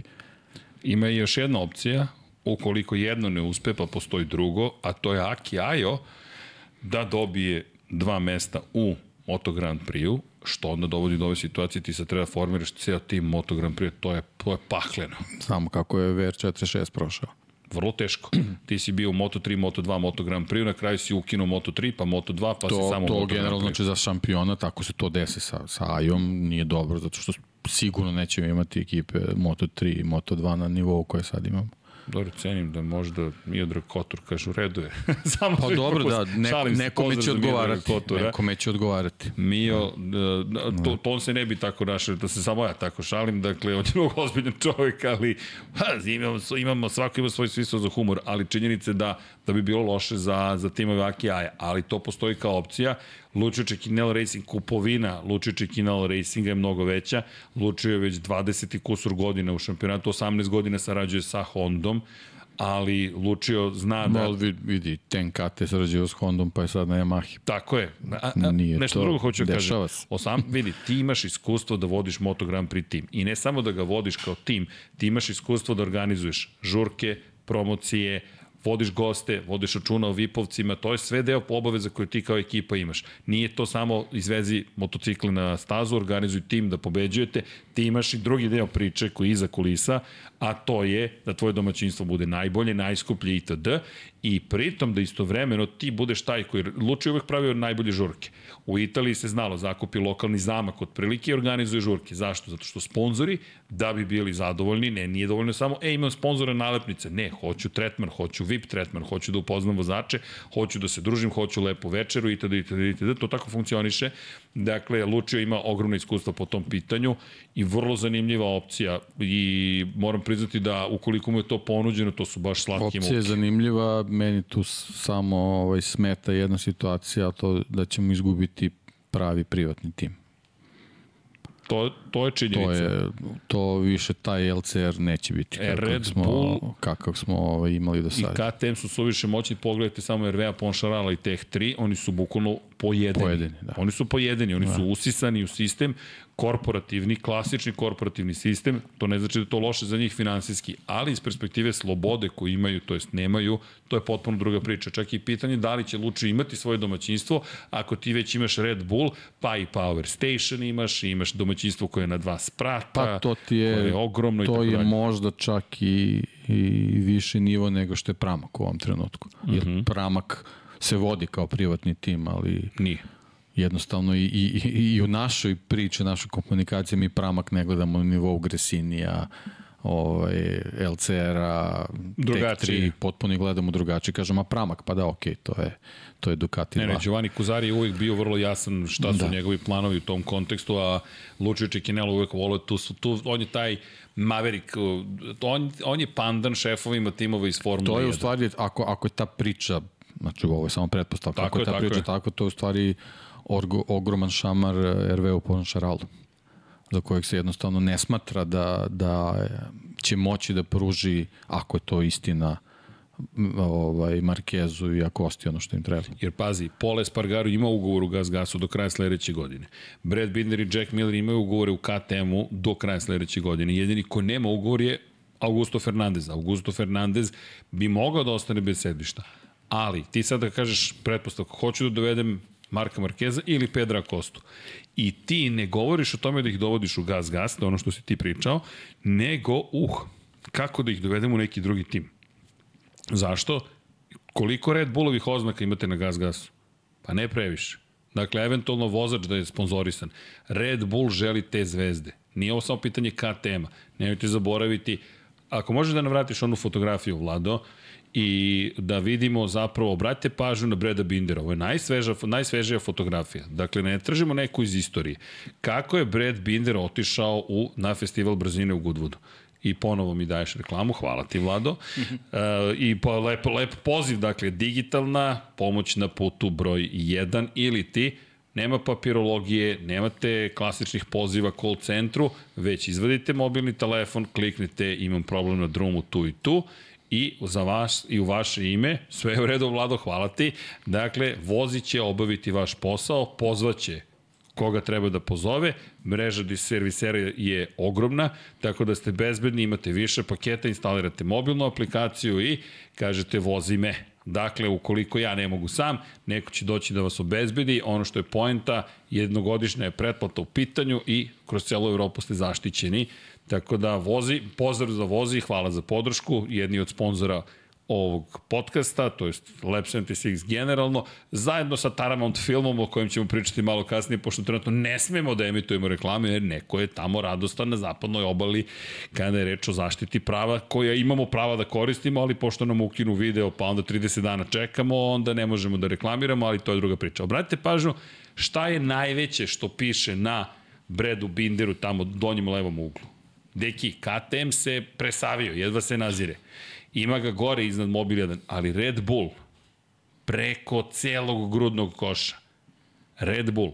Dakle, mi sad govorimo o Red Bullu na rukavima, mi govorimo o Red Bullu na kačketu, mi govorimo o Red Bullu na reveru, mi govorimo o Red Bullu kao zapravo kompaniji koja želi Marka Markeza i Pedra Kostu. Ne gas gas. U redu je gas gas, sve je to okej, okay, momci, gas gas. Ali to je KTM-ova stvar. Red Bullova stvar je Red Bull. I ne Red Bull kola koja je bila sponsor teh tri ekipi, nego Red Bull. Dakle, samo zamislite kada se ode, na primjer, na neki skup, a pojave se Max Verstappen i Mark Marquez, kao što se dešava trenutno kroz konekciju sa Hondom. Ali Mark Marquez dođe u Repsolovim bojama, pre svega, bez obzira što je Red Bullov sportista. Sad samo zamislite Maxa Verstappen, Maxa, Marka Markeza zajedno. Na bilo čemu. Pedra Kostu, dodajte koga hoćete, Serhije Pereza, Daniela Ricarda, nemam pojma ko će se već nalaziti gde. I to je ono što je za Red Bull važno. Zato je ovo mnogo velika stvar i u pravu si, nije mi palo na pamet, ali ogromna kritika RV u Ponšaralu. Ogromna kritika i celoj toj organizaciji. I pa ne izgovorena, ali, ali taj gest bi u stvari pokazao da on će postati treći tim. Pa, da, da, ajmo da budemo realni kad kažeš Red Bull KTM i Lucio Cecchinello Red Bull KTM i Gas Gas, koje je tu, koji su nivoji? Uz dužno poštovanje. Dobro, to je sad samo pitanje da će to je brand. neka Husqvarna ući u igru, ali možda eventualno kao reklama. Ne verujem da, da li KTM da želi da ima Marka Markeza da, Husqvarni? Da. Ili Pedra Kostu. Da. Želiš da ih imaš logičnije, na KTM? Logičnije je Gas Gas kao španski brend pa, da, da. da, da budu tu, ali očigledno da to nije, nije namere. Nije, nije. Husqvarna baš nikakve veze nema s njima baš, baš, mi se, baš mi se nekako ne uklapa, ali okej. Okay. Ali samo, eto, to je trenutno priča koja uopšte ne deluje naivno. Speedweek često je vrlo dobro informisan kada je reč o dešavanjima u KTM-u ili u Red Bullu, u ovom slučaju možda i u oba. Tako da, eto, pratimo nastavak priče, ali vrlo zanimljiva priča u, ovim, u pogotovo ovim letnjim mesecima. Mi smo pričali o Markezovom poravku i pripremama za, za veliku nagradu Velike Britanije, kad Speed Week izbaci novu vest, ok, ovo mora da se spomene. I nije pitanje tračeva, već je pitanje toga da zaista mora da se spomene, jer dolazi iz jednog medija koji, tako, zna i da promaši, ali zna da ima vrlo dobre informacije. I češće ima dobre informacije nego što nema. Tako da, ajde da, da vidimo. kažem, ajde, za sad je, za sad je 50-50, ali u svakom slučaju ako, ako ima neke istine u tome, samo se komplikuje situacija zato što praktično tu su sad neka dva mesta vezana za LCR Honda u ovom trenutku koja, koja onako potpuno izmiču možda nekim vozačima koji, koji bi tu trebali da se, da se nađu u budućnosti, tako da ovaj, veliki je problem pre svega zbog tih nekih sponzora koji su, koji su to, u toj priči i, i ovaj, pitanje je kako će se oni smestiti, gde će se ovaj, pojaviti u sledećoj godini. Ne, inače, samo da kažem, DNZ kaže, konfigurator aplikacija na kojoj radim je koristio Rolls-Royce na Goodwoodu za konfigurisanje svojih modela po želji kupaca. Najbliže što će biti Goodwoodu, pozdrav iz Minhena. Aha, pa dobro, nemoj tako. ne, radi, radi ne, na tome ne, da, ne, ma da ne bude tako. Deki, nemoj se miriš tim. Mi ćemo te zvati u naš šator Lab 76 na Goodwoodu kada budemo bili.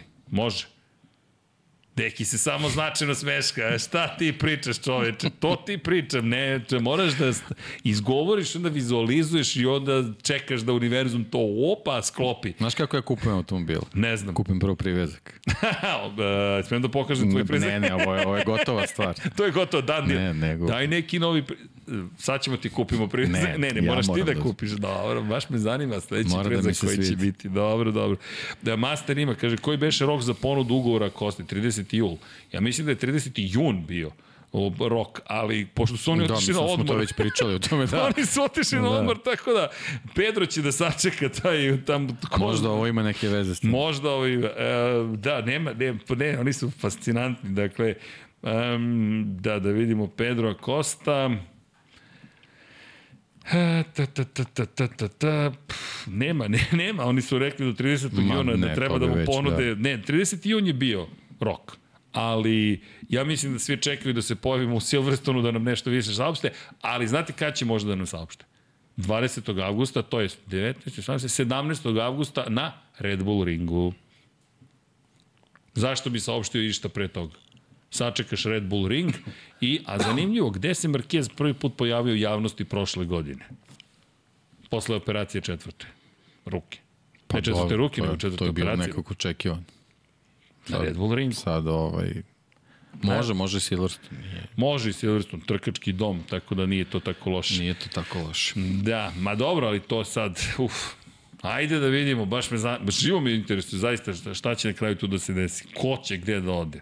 I kad ćemo mi da počnemo ponovo deki sezonu, pošto mi, mi, mi pijemo koktele, zabavljamo se, istražujemo razne vesti, pratimo Goodwood festival brzine, da nisu im morali na Goodwood, ja mislim da bi dalje svi bili na Ibici, svi bi bili na odmoru manje više. Ali ti to isto govori koliko ozbiljno shvataju Goodwood. Dobro, ovo je dobar trening.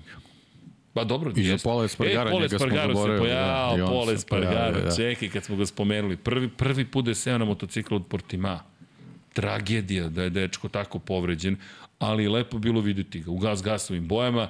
Ajde da vidimo jednu trku na, na, na, na KTM-u zapravo Pola Espargara, da vidimo Da, šta eto, može. iskoristili su Goodwood da i on sedne ponovo malo da oseti motocikl, pošto moraju da se dovijaju, jer nema, nema druge prilike. Da, da, da sednu stvari da vidi uopšte gde je.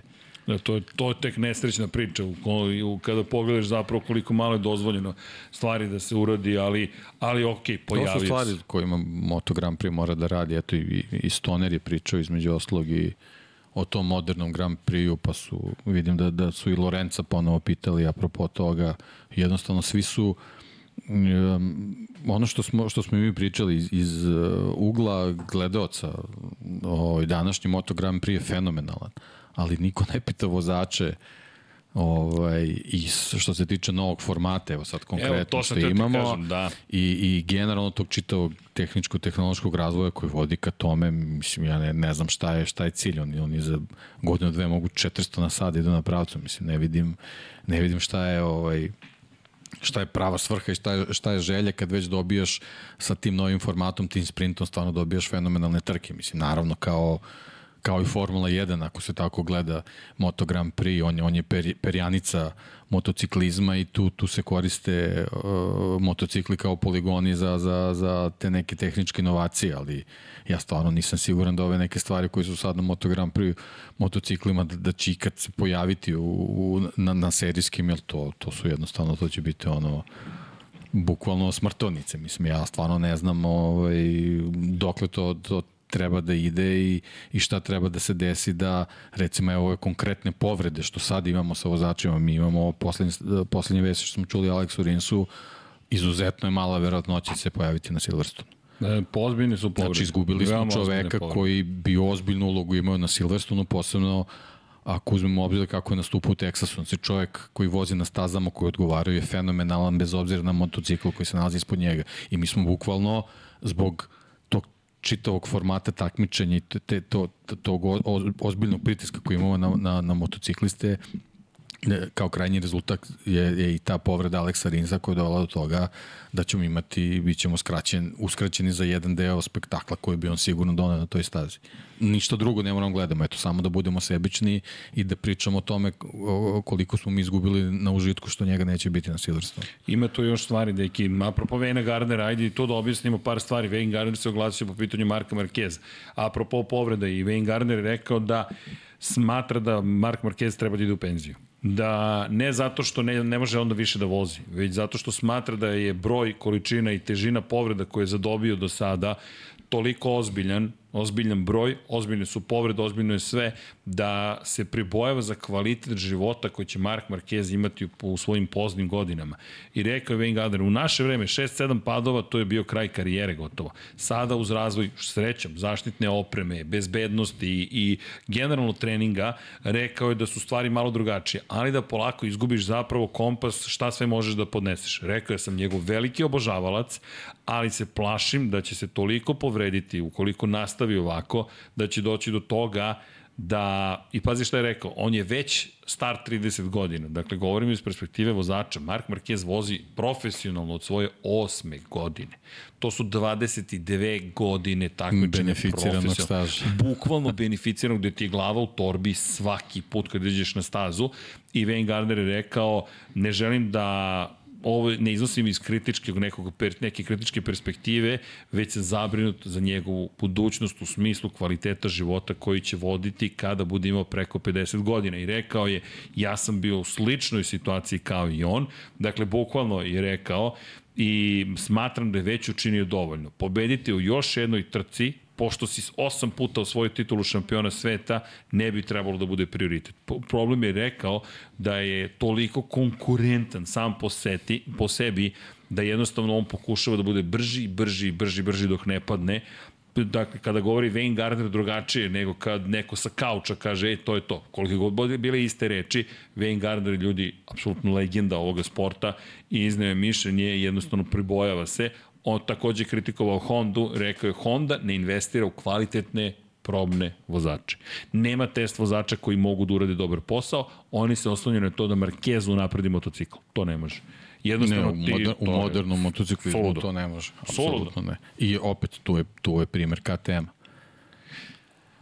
To je bukvalno primjer KTM-a. I dovodi nas, opet nas vraća kada je reč o Marku Markezu na, na par stvari. Mark Marquez koji nastavlja naporno trenira, inače svoj trening i dalje koristi za promociju Red Bulla konkretno, pošto malo malo ga vidiš sve sa svojim ožiljkom kako trenira, a limenka Red Bulla nonšalantno stoji na stolici obavlja svoje poslove, ali ono što je tu i jedna tema zašto jeste bio Mark Marquez, da pričali smo ti Raymond zaista je postao Raymond. Dakle, trenutno možeš da pričaš o Marku Markezu, ali činjenica je to i nešto što je jedna velika tema, zabrinjavajuća tema, kompleksna tema. Dakle, čovjek je konstantno u svim videima, dokumentarcima pričao o spremnosti da se žrtvuje i rekao ukoliko nešto želiš, ne smeš da govoriš ne stvarima, ali onda se to povezuje s ovom pričom koji ima Gardner i dolaziš do toga da je da je baš, baš problematično. Inače, izgovo, i Raj rekao o tome kako je povreda imao u Portimao i rekao je to još polovinom prošlog meseca pričao o tim povredama, rekao kada vas je Čekić udario u ruku, to nisu stvari koje želite da čujete. Pa ali pa da, ali nema stajanja. Uh, Mark Marquez je samo jedan deo te priče o povredama koje, koje je donao ovaj moderni motociklizam. Eto, pogledaj, to je moderni Moto Grand Prix. Pogledaj samo u, u, u prethodnih par sezona, znači uz Marka Marqueza imaš izuzetno tešku povredu Pola Espargara. Imaš Joana Mira koji je konstantno povređen. Imaš teški prelom noge uh, Aleksa Rinsa, imaš povrede Miguela Olivire koji, koji jedva da je vozio u sezonu, Odsustvo imaš Eneu Bastianinija. Znači ti imaš 6-7 vozača, verovatno sam, u stvari, neverovatno, sigurno sam zaboravio, zaboravio sam Jorge Martina, koji se prošle godine izuzetno teško povredio, bukvalno bi na ivici da, da se završi karijera, ove godine se povredio posle, posle onog uh, udarca Marka Markeza, on je išao bukvalno na korektivnu operaciju pre prošle prošle nedelje, čini mi se, ili pre desetak dana, nije ni bitno. Operacije kompartment znači, sindroma više ni ne brojimo. To, to više ne brojimo, To to, nisu, da, a to je, a to je posledica modernog Grand Prix-a. Tako je. Ali uh, ovo sad što sam rekao što nabrao ove vozači i sigurno sam nekog, nekog zaboravio sa nekim težim padom uh, uh, ovaj, um, Aleš Espargaro prošle godine u Silverstonu gde je bukvalno ispao iz borbe za, za titulu zbog toga. Mislim, dešavaju se ti padovi, naravno, ali je uh, neprirodno da ti, da ti u jednom trenutku uh, u svega nekoliko meseci, ja sam nabrao skoro 10 vozača koji su se teže povredili i nisu mogli da imaju kompletnu sezonu i propustili su više od 2, 3, 4 trke. Da. To je to je baš onako zabrinjavajuće Ali- i to je stvar o kojoj treba se da se to dovodi? brine moderan Moto Grand Prix. Dovodi nas do, do onoga što si pričao još prošle godine, pretprošle, Formula 1 90-ih. Inače, Pete Byrer, šef KTM-a, je ponovio tvoje reči. Rekao je, mi idemo putem, mada je on skratio period, rekao idemo putem kojim je Formula 1 išla pre 10 godina, gde šta je problem sa aerodinamikom? Ne sama po sebi, per se aerodinamika super na nivou nauke, tehnike, razvoja, fenomenalno. Ali, inače, 2016. toga se baš jasno sećam intervju sa, sa Bradley Smithom i Bradley Smith koji kaže, ja sada, usled pojave prvih krila, to su prve rudimentirana krila odnosu na sada, sadašnju naprednu aerodinamiku, imam situacije u kojima osjećam turbulentan vazduh kada nekoga pratim. Već sada to osjećam i kada pokušavam da preteknem. Došli smo do stadijuma kada se su dve stvari desile. Uz razvoj aerodinamike, turbulencija vazduha, zatim poboljšanje ponašanja prednjeg kraja prilikom dodavanja gasa, antivili sistem takođe elektronski je vrlo ozbiljan, dakle ti dodaš gas, motocikl se više ne propinje. On je zakucan dole, nemaš više ti potrebu da ti desnom rukom kontrolišeš koliko će da skoči ili kontrolom proklizavanja. Ne, ti dodaš gas, aerodinamika ga obara na dole, da poveća se otpor vazduha, ali motori su sve jači pa se to ni ne osjeća, kao Formula 1, klasična priča. Ti sada aerodinamičku efikasnost na pravcu nemaš, koeficijent je verovatno kao kod kamiona. Imaš right height sistem. Right height sistem, tako je, i da citiram Casey Stonera koji je rekao, evo, bukvalno citiram, kaže, da, da, da, da, da, da, da, da nađem gde je rekao Casey, evo ga, winglets, to jest zakrilca, da lete, E, uređaj za spuštanje e, motocikla da lete, antivili sistem da leti, kontrola proklizavanja da se smanji samo na ono što je neophodno za bezbednost vozača i ništa više. Citiram, ne zamjerite na vulgarnosti, pola ovih sranja mora da leti iz Moto Grand Prix-a. I to je to. Casey Stoner sve objasnio u, u, u pola I rečenice. onda se Jorge Lorenzo priključio. I, i ne samo Jorge Lorenzo.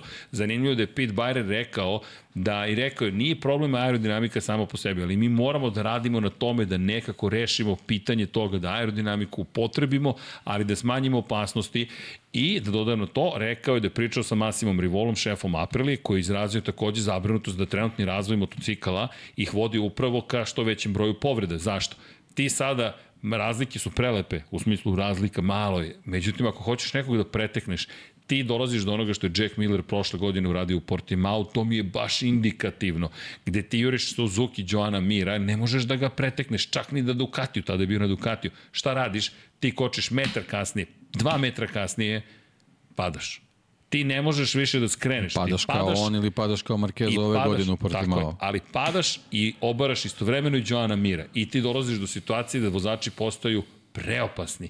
Što za sebe, što za druge i dobiješ sport u kojem brojimo samo Martin Banjaja u Kataru.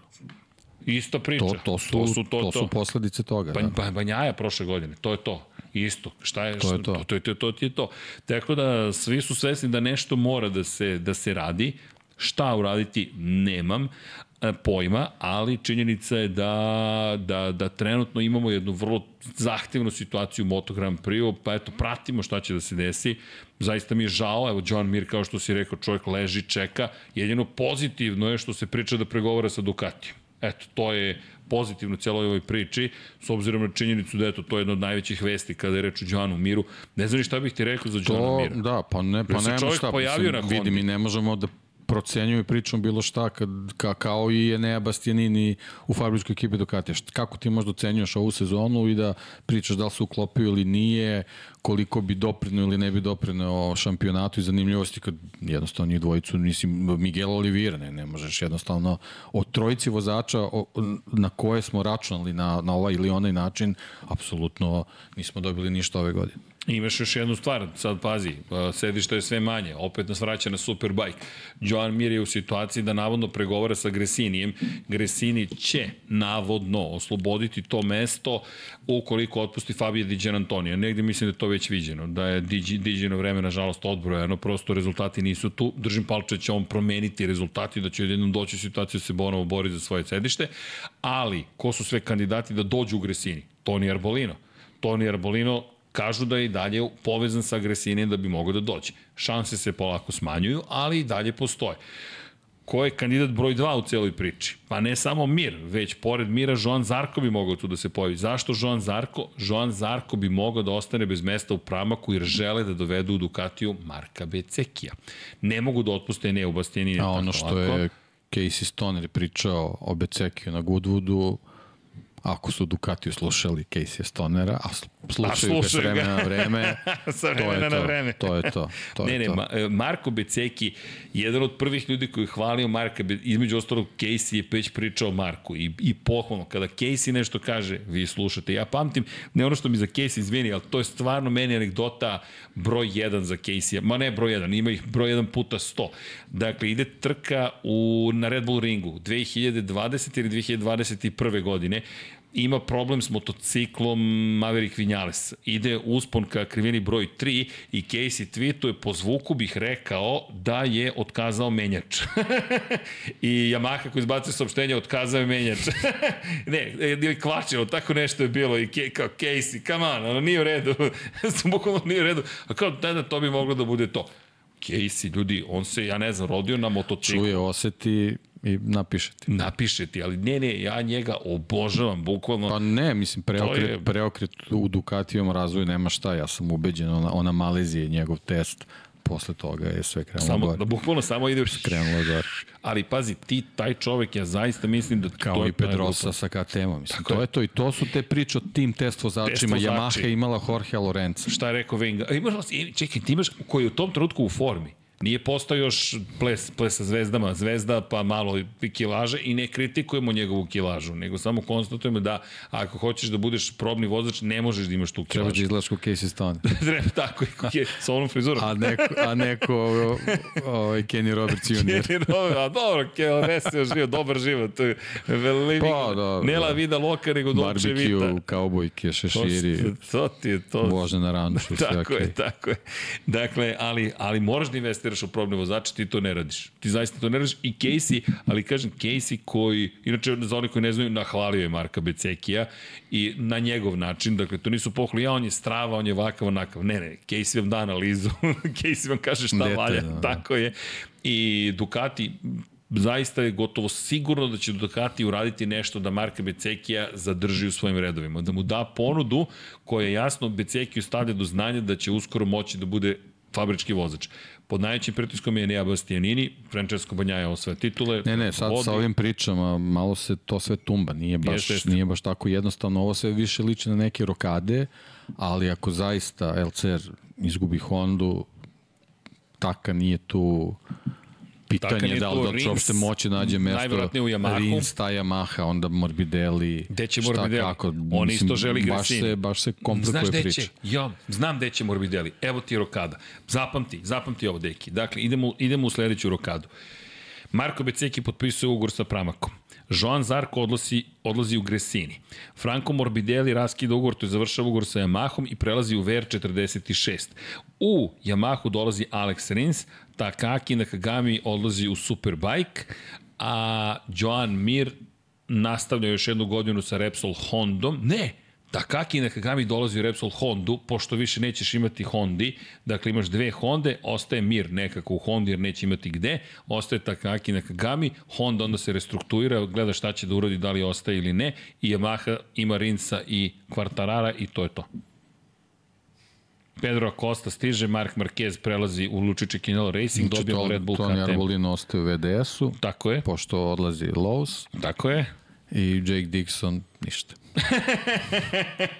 Jake Dixon kaže, pa sad ste morali da kupite Hondinu. Ne, on će, on će gde bude Castroliša.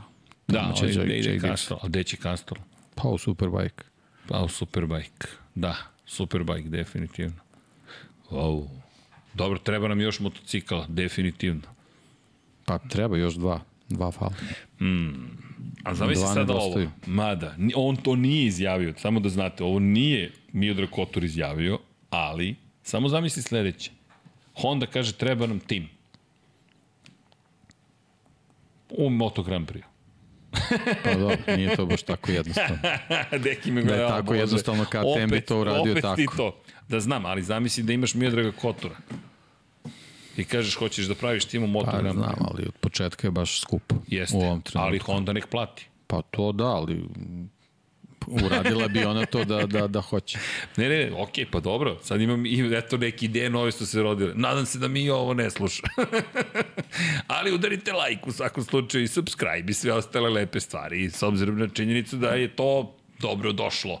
Uvek inače, inače, kada pričamo o lepim stvarima, idite u bioskop. Zašto? Ne zato što imamo dobre naučare za bioskop i u 3D da gledate nešto, ne, ne, ali poenta jeste u sledećem. Dakle, inače, ovo je mala podrška Pepsiju zato što sponzoriše 99 yardi, e, ali mislim da je to sasvim u redu, ali podrška je nemogućoj misiji. Dakle, film je odličan. Dakle, idite i uživajte, lepo ćete se zabaviti, što kažu zanatski film. Ili ti bukvalno su radili sve na najvišem mogućem nivou. 13.000 skokova na motokrosu je obavio Tom Cruise. Ako to nije dovoljno za sve vas, ljubitelji dvotočkaša, kažete dobro. Ljudi, on je stvarno skakao preko litice sedam puta, ne znam nija koliko puta ne bili snimio kadrove koje su upotrebili u filmu i nije CGI ili ti computer generated. Šta mu da, aj dođe? Image. CG, images, aha, image, a graphics je ok, ovo je image. Dakle, nije CGI, već je čovjek skakao, imali su dronove njemu u licu, dakle, kada je skakao je morao i da promaši dron. Computer ostalog. generated image. Da, computer generated Tako image, pošto je bio computer generated graphics, je li tako? Computer CG, ba ne, nemam pojma, nije ni bitno, previše godine tu ušlo u glavu, ali pojent je da je čovjek skakao 13.000 puta pre nego što otišao da skače s litice tamo gore u Norveškoj, Švedskoj, gde je već bio, i naskakao se, Dakle, fenomenalno je to što je uradio, ali više od toga urađen je super film. Mi smo inače, spo, ne sponzori, nego smo pokro, pa, pa ne znam, partneri u celoj priči. Nama su sponzori zapravo ekipa iz Paramount filma i mi se mnogo radujemo tome, pošto je to jedno od najlepših sponzorstva. Divna lju, grupa ljudi, nekako radiš nešto na nekom kulturološkom nivou, mi volimo filmove, lepo se ispričamo i uskoro snimamo podcast, ćemo sledećeg četvrtka. Ajmo sledećeg četvrtka. Spojlujemo vam Mission Impossible. Dakle, zašto spojlujemo? Pa zato što smo već napravili najavu. Ko nije pogledao, pogledajte. Dakle, pogledajte, tu smo baš pričali o svim ti skoku, imate divne featurettes, takozvane, to jest možete da gledate kako su to radili iza kulisa, koliko se pripremao Tom Cruise, a onda ćemo sledećeg četvrtka da uzmemo i da vam pokvarimo ceo film, jer ćemo da pričamo o tome šta se dešava, kome se dešava, šta, gde, ko, kako, da li su preživeli, nisu preživeli itd. I doći ćemo onda do nekog zaključka, pošto smo ovog puta odlučili da zapravo radimo neke druge stvari. Film se zove Odmazda, prvi deo. Inače, misija dve tačke nemoguća. To je zapravo pravi prevod. Jer mission dve tačke impossible. Misija nemoguća. Odmazda, prvi deo. Danas vam se odmažđujemo prvi deo. Danas smo u odmazdi, ali činjenice je stvarno zabavno, idite, u, na, idite ljudi u bioskop, gledajte i neke druge filmove, ali ovaj film gledajte zbog nas i recite Taramountu samo zbog Lab 76. Mada imamo već lep odnos sa celom ekipom, tako da to sve ok. I naravno ne zaboravite vozi, instalirajte aplikaciju, u opisu video imate link, klik na link, odete na a vozi tačka, čekaj da vidim, moram da pročitam, dugačak je opis. dugačak je opis, a godine su stigle, kako se vadim na te godine, kakav fake priča zapravo, ali dobro. I daj, ne zaboravite, večeras ćete na našem kanalu imati priliku da vidite i novo izdanje pod kapicom. Inače, link je, link je, link je, da, link.vozzi.app kroz Infinity donja crta Lighthouse. Pa eto, ne morate ni da ukucate, odete u description, klik i to je to. Zašto? Pa zato što nas podržavaju, zato što su super jedna ekipa i dobra je priča, mobilna aplikacija u ručice i ukoliko se nešto desi, ne želimo da vam se desi, ali to radite za onaj jedan put kada se desi. Dakle, kao i uvek, zašto se uče specijalne stvari, protivpožarni aparati, prva pomoć, ne zato što vam treba svaki dan, nego onaj jedan put kada zatreba. I za taj jedan put tu je takođe vozi ako se nešto desi na drumu, a vi klik, a neko tamo završi kompletan posao i vi ste mirni. Eto, tako da, hvala. Hvala na pažnji. I kada pričamo o Joanu Miru, dakle, Joan Mir ostaje u Hondi. Mada, volio bih da ga vidimo u Ducatiju. To bi baš bilo lepo. Kao Ducati pa postaje kao, kao prva pomoć za karijeru. Kad ti prva pomoć za karijeru... Kako? Pa ne mogu svi na Ducati, ali kako je krenulo imat ćemo Ducati, KTM i Apriliju. Nije dobro. Nije dobro. Baš nije dobro. Baš nije dobro. Koliko god sve to zvučalo, ja, Marquez, za Costa, zajedno, KTM, Lučić i Kinelo, ljudi, zamislite da ostanemo još bez dve Honda. Ali i Honda mora da se ozbilji u celoj priči. Mora. Ne, ne... Od tih para što će KTM da im da kao obeštećenje za LCR, A? da ulože nešto. A šta da ulože? Pa u novu ekipu. Malo je to. nije to dovoljno. Jedna sezona obeštećenja LCR-u nije dovoljno. Dobro. Mislim da njima nije toliki problem finansijski, nego jednostavno... Šta raditi? E, filozofija je malo otišla stramputicom, to je problem. Da. Ili nije, možda njihova filozofija je ispravna, možda ovo sve što smo pričali, možda ova, ova, ova taj tehnološki napredak što je do Ducati možda nije dobar smer. Kažem, šta je sledeće? 400 na sat na pravcu. Pa, negde će Ali šta? Da Kao ne znam, ne znam. Čemu to, znaš? Kaže Srki, a Honda da uzme Tony Arbolini i Dixona? Pitanje master ime, teško. Preće da zadrže da tako Aki Nakagami ili, ili možda dovedu Ajo Guru, a Dixon vidjet ćemo, vidjet ćemo. Ako MotoGP ostane Dixon, tri proizvođača... Castro, ja mislim nekako to mi je, to mi je veza. Pa evo, Jenky the Boss kaže, Srki MotoGP, a kaže, izvinjam se, ako MotoGP ostane na tri proizvođača, izgubit će mnogo, mnogo gledalaca. Pa mi se toga isto pribrojamo. To je to je to. Inače, no, ja Master se setim da se vratimo neka stara vremena, ali nije, nije se da. dešavalo tako da se na tri proizvođača sve, sve vrti. Mada bilo je tamo negde... Ajde, 90. Honda... 80-ih je bilo Honda, Suzuki, Yamaha, Yamaha Suzuki, to je to, nije... Tako Ducati se povremeno, bio kako tada. Ducati bio, kad Gila se eventualno pojavljivala, ali to su... Šta smo još imali? Japanci su bili uglavnom tu. Da, sad, su, sad je vreme Evropljana. Bilo je mnogo, mnogo privatnih ekipa na Honda. Da, da, da. da. Inače, Master ima, kaže, Marko koristi romantične linije. Mhm. Apropo izjava, citata i svega ostalog. Ne, ne, Marko, Marko će uskoro svoju tribinu da ima. Marko, pa le, ti si najavio ko je, ko je potencijalni pravi naslednik Valentina Rossi iz te perspektive. Šta da gledamo, 8 Ducati kako se bori u prvih 10. Pa to je, ali, ali, ajte ovako na keca. Da odemo na 1994. MotoGP, daj daki neku trku. Itali, evo. MotoGP Itali. Italian Motorcycle Grand Prix. Dakle, ovako, na pamet. Da vidimo šta imamo. Honda, Yamaha, Suzuki, Honda, Honda, Yamaha, Suzuki, Yamaha, Yamaha, Yamaha, Yamaha, Yamaha, Yamaha, Yamaha, Yamaha. Tako je izgledalo 94. u, u... Ne, ne, ne, ne, ne, pazite sad ovo. Dakle, Honda, Yamaha, Suzuki, Honda, Honda, Yamaha, Suzuki, Yamaha, Yamaha, Yamaha, Yamaha, Yamaha, Yamaha, Yamaha, Yamaha, Yamaha, Yamaha, Yamaha, Yamaha, Yamaha, Yamaha, Honda, Yamaha, Yamaha, Kajiva, Kajiva, pa Koja godina? Yamaha, Aprilia, Yamaha, Yamaha, 1994. Evo ti 85.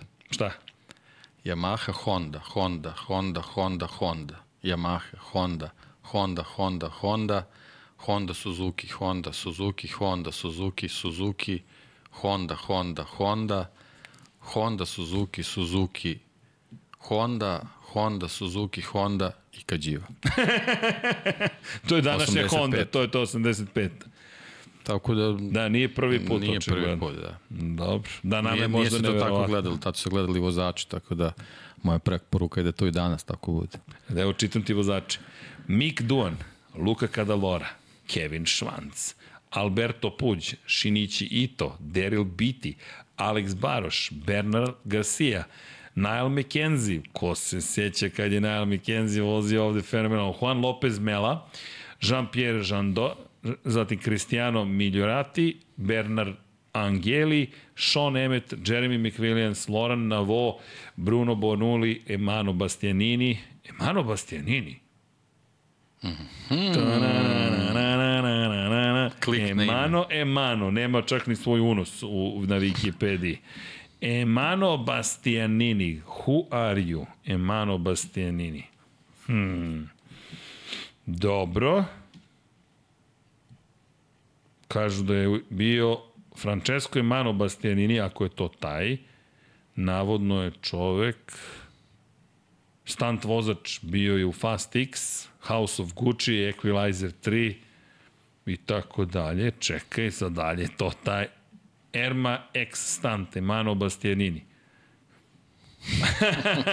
Nešto novo. Kada ovako otkriš, znaš kad, ne znam kako se to zove, ali postoji to kad te Wikipedia odvede negde, kad kreneš da surfuješ i onda završiš na ne znam nija kojoj stranici, pitaš se kako sam ja uopšte završio ovde.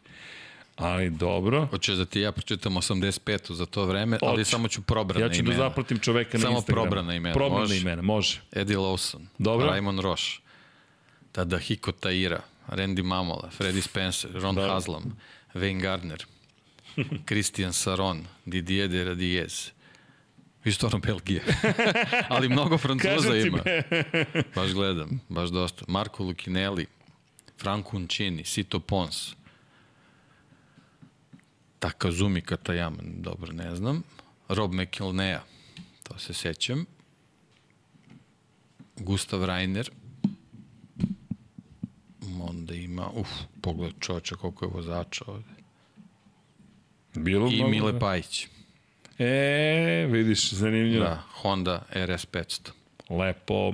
Sa Henkom van der Markom je vozio. Inače obojica pod holandskim zastavama u holandskom timu. Dobro. Eto, to je 85. bila. Ili ti... Vrtimo se u krug malo, a? Da, znači tri Japanca i Kađiva povremeno. Dobro, pre nje je bila ovaj, šta smo rekli, Augusta, je li tako? Pa je bila Aprilije su se pojavljivale. U svakom slučaju Honda, Yamaha i Suzuki su nosili svetski šampionat kroz decenije. Što sada polako taj neki postoje period da, 70 80 Ducati, Tako, da. KTM i Aprilia. Da. Ali dobro, mi smo se razmazili umeđu vremenu. Dobili smo 5-6 proizvođača i otud i naše oduševljenje. Ali dobro, kad se navikneš na takve stvari, ne želiš da se to promene, ne želiš da dođeš u situaciju, a vidi, sad imamo tri proizvođača. Ne, hoću da imam i dalje 5-6 proizvođača najmanje, čuj najmanje, da ih imamo sve i da se lepo da se lepo družimo svi i da je neizvesno i da ne znamo šta će se desiti. Da, znaš, opet s druge strane, Ducati koliko godina traje pokušaj da, da dominiraju, ako valjda su zaslužili bar, A, dobro. dajte im bar sezonu, dve, tri da, da uživaju u tome. Pa dobro. Pa, Do, mnogo dugo treba, koliko Gigi, sigurno 15 godina to već razvio. ne, tako? ne, ne, nije. Od 2014. Ne, de- 13. de- dominje 13 pre. 10 godina, 10 da. godina. Eto, 10 godina traje to. 10 bodova. Nije i to malo posla. I to su To je ozbiljne mnogo godine. radnih sati. Jeste i mnogo godina agonije. Ozbiljnih agonija. Od eh, godine bez pobede, godine bez šanse da osvojiš titulu, a znaš da imaš dobar motocikl, godine kada imaš Markeza protiv sebe i ne znaš kako da ga pobediš. Svega je bilo tu, baš su se oni naradili. I na kraju, ok, krunisali, pa i prošle godine. Ko je očekivao ovo vreme da će biti šampioni? Banjaja posle pada u Nemačkoj, ko je rekao bit će šampion? Preko 90 pojena prednosti. I bez obzira šta je ko govorio, Fabio Quartararo je to morao da očuva. Na kraju dana je morao da to očuva. Dakle, nije to samo, nije, nije samo pohvale za Banjaja, apsolutno zaslužuje sve pohvale Banjaja, ali ti isto moraš da budeš onaj koji, koji razume situaciju u kojoj se nalazi, kaže, ej ljudi, mi jedini način da osvojimo, to je da odbranimo titulu je taj Da, taj. glupost u Asenu i prestroga kazna za Silverstone i to je to. Da, i dođeš do i Australija, Japan, svašta se tu Pa posle dobro, to je sad polako već ono, već je bio stvari. kraj, ali Tako je. Asen i Silverstone. To je, Da, Asen i to je Silverstone. to. i ti odjedno od dobijenog napraviš veresiju. Dešava se, to je nauk da titula nije osvojena dok se teoretski, dok po teoretski postoji šansa da se nešto ipak desi. Deki, da, da se samo na kratko osvrnemo ponovo na, na ovu priču o Đanu Miru, dakle mi mu držimo palčeve svakako da će se oporaviti i da, će, da ćemo ga videti u Da, i najboljem njemu, i mogućem. Aspargaru, Tako je. i, i Bastianiniju, i Oliveiri, i Rinsu. Baš čekamo da mnogo se, njih da se vrate da, da punoj formi i naravno sa željom da su među vremena niko nov ne povredi.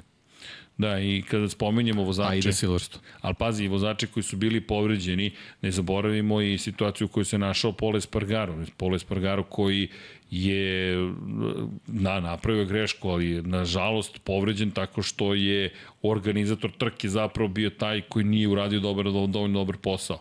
I povreda je pojačana time, što To je zapravo Jorge Martin prošle godine. Tako isto. je.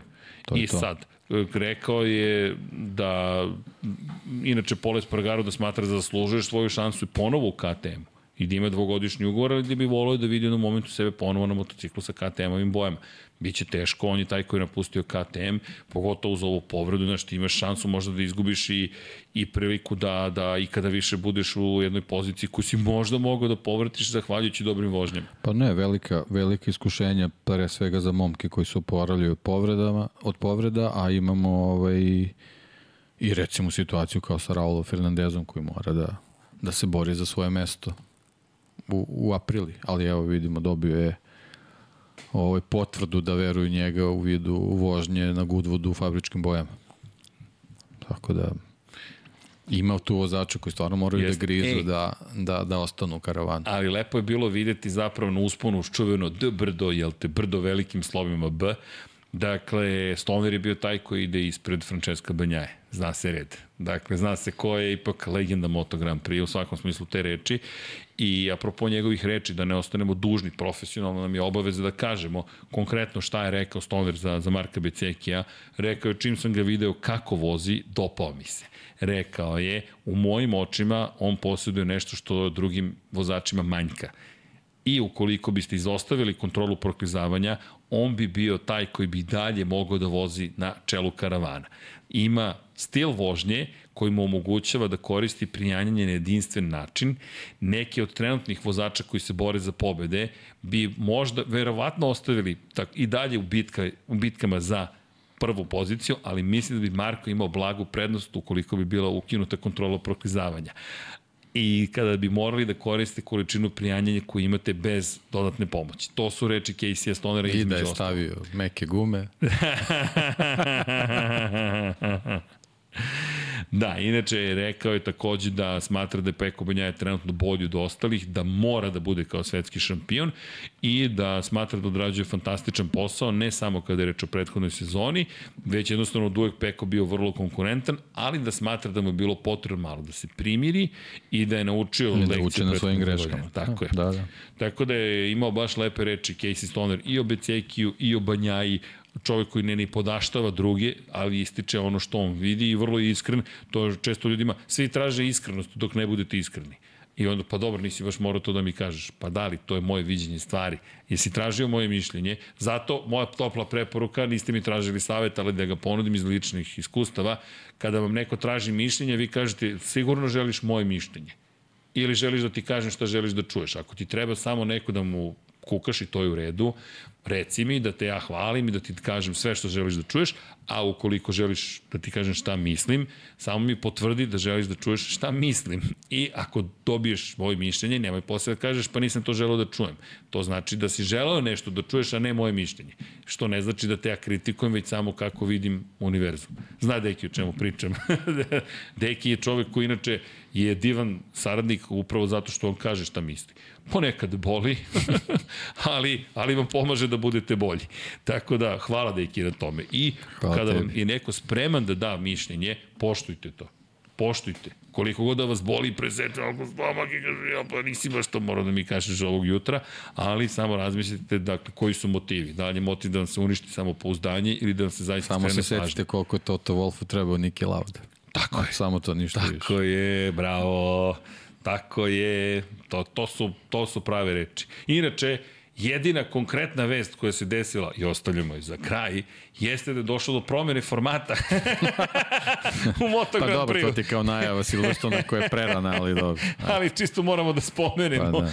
pošto je potvrđeno da ćemo od sada imati drugačiji format trkačkog vikenda. Jedna, ali velika promjena se desila. Od sada imamo dva slobodna treninga, da ih nazovemo nezvaničnim možda treninzima, slobodnim, bolje tako, free practice 1 i 2, dešavaju se u petak i subotu ujutro, do sada je to bio slučaj samo subotom ujutro da je slobodan trening, što znači da je trening koji je nekada bio broj 2, popodnevni u petak, sada postao jedini predkvalifikacioni trening, ili ti u 60 minuta u petak popodne će se određivati ko ide direktno u Q2, i ko ne ide. Ili ti eto malo još pritiska. Nije im dovoljno nije, ovo ali što ovo su imaju. timovi Da. vozači tražili. To je njihov da. zahtev bio. Dobro. I sada imamo situaciju gde u tom treningu, hteli ne hteli, morate da postavite odlično vreme. Pa izvolite. Pa dobro, pa ste posle opušteni, možda nije loše. Mo, ne je znam, to, ili ajde. opušten petak pre podne. da. Jer kao, padaće Nemam kiša, pojma. neće padati Da. kiša. Kako god, to je Vidjet ćemo promjena ka- koja je vidjet ćemo zvanična. u praksi kako izgleda. Jeste, to je, to je baš to je baš situacija koja koja ajde, donosi opet nešto novo u sred sezone. Pa ajde da vidimo. Nisam baš za te promene u sred sezone, više sam za to da sledeće godine se eventualno izmene neke stvari, ali dobro. To se svakom slučaju dešava. A kada govorimo o Moto Grand Prix, pa ništa se ne dešava ili ti nešto se i dešava. Uvijek mi nađemo nešto o čemu ćemo da pričamo, po, po toj ljubav prema Moto Grand Prix-u.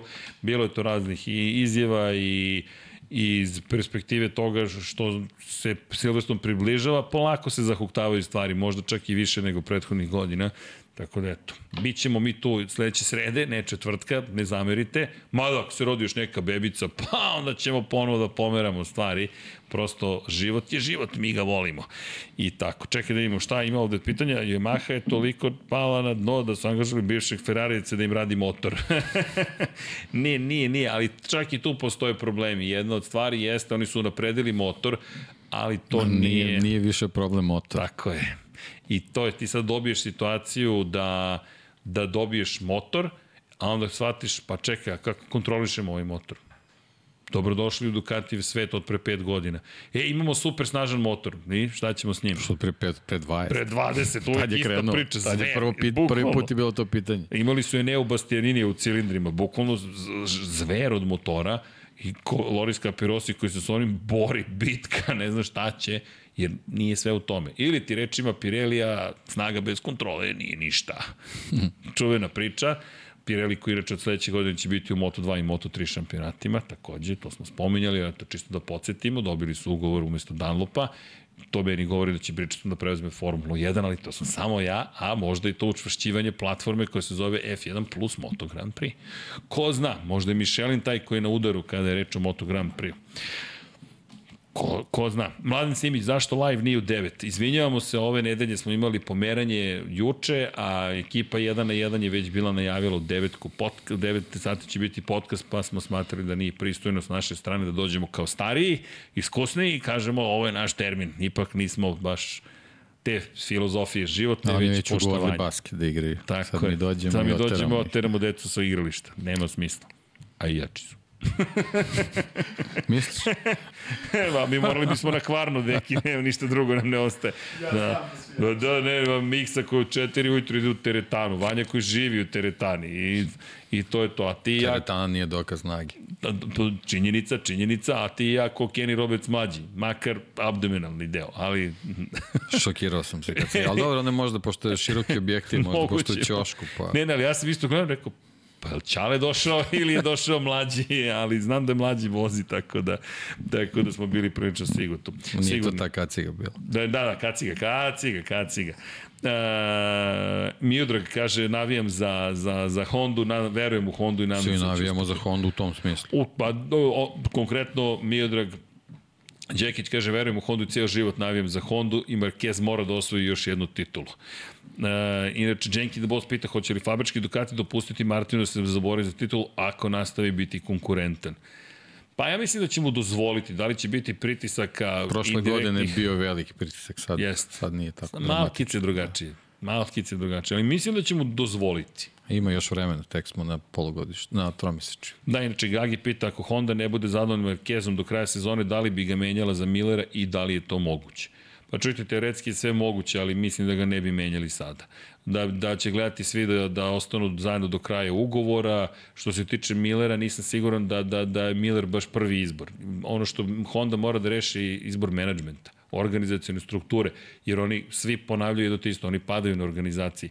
Ken Kavući stigao, ali Štefan Bradl, probni vozač, se oglasio i kaže da se ne zna ko pije, ko plaće, da je potpun haos u Yamahi, da ne znaju u Hondi u kom smeru zapravo treba da idu. Mark Marquez koji govori, ok, podržat ću razvoj, ide se novim putem, sve je novo. Zatim Takaki Nakagami koji govori da motocikl koji su on, Alex Marquez i Pole Espargaro razvijeli zapravo nije razvijen na pravi način i da je bolje da se vrate unazad. E, to su sad toliko oprečne informacije sa svih strana da vi nemate zapravo odgovor na pitanja šta treba da uradite. Moje mišljenje je da oni moraju da srede kuću i da dovedu nekog Livija Supa i da mu kažu Livio, sredi ovo. Bukvalno sredi, ali to se ne dešava preko noći. Vi morate sada da dovedete nekoga koji će sada krene da čisti za sledeću godinu i da mu date bar dve i po godine da radi na tome. Mark Marquez nema dve i po godine. Strpljenja. Te će da čekaš dve i po godine. 2020. 21. 22. 23. i samo neko kaže čekaj 24. i 25. Šest godina, a opet me vraća na sličnost između njihovih karijera Valentina Rossi i Marka Markeza, kada je Audi kupio Ducati, došli su kod Rossi i rekli mu ostani investirat ćemo, vidjet ćeš, bit će bolje. Da je Rossi ostao u Ducatiju, ne bi taj Ducati bio konkurentan 2013. Ne bi bio ni 2014. Možda 2015. Ali to je za njega u tom momentu već peta godina čekanja. Pri čemu on tad već ne zna da li veruje u sebe ili ne. To sve u knjizi. I on kaže, u tom momentu ne znam da li sam ja izgubio brzinu ili nisam. Da li je ovo do mene ili do motocikla ili do kombinacije stvari. I vraća se u Yamahu, tako da su to meni fascinantne paralele koje se dešavaju. Kratko i jasno pitanje, kako vidim budućnost MotoGP-a, idite na prvo što vam padne na pamet, nemam konkretno pitanje.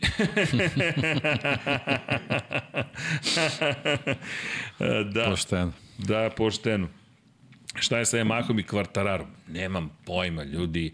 E, e, jedina, jedino što mogu da vam kažem je na nivou trač rubrike, da i to ono što najmanje volim, ali evo, ako hoćete da spekulišemo na najluđi mogući način, leto je, pa ajde, letnji kokteli, Matilda Ponšaral, čerka RV-a Ponšarala, se zabavlja sa Tomom, najboljim prijateljom, prijateljem Fabija Kvartarara, ako vam ta informacija nešto znači. Ja to znam, ali ne volim o tome da pričam.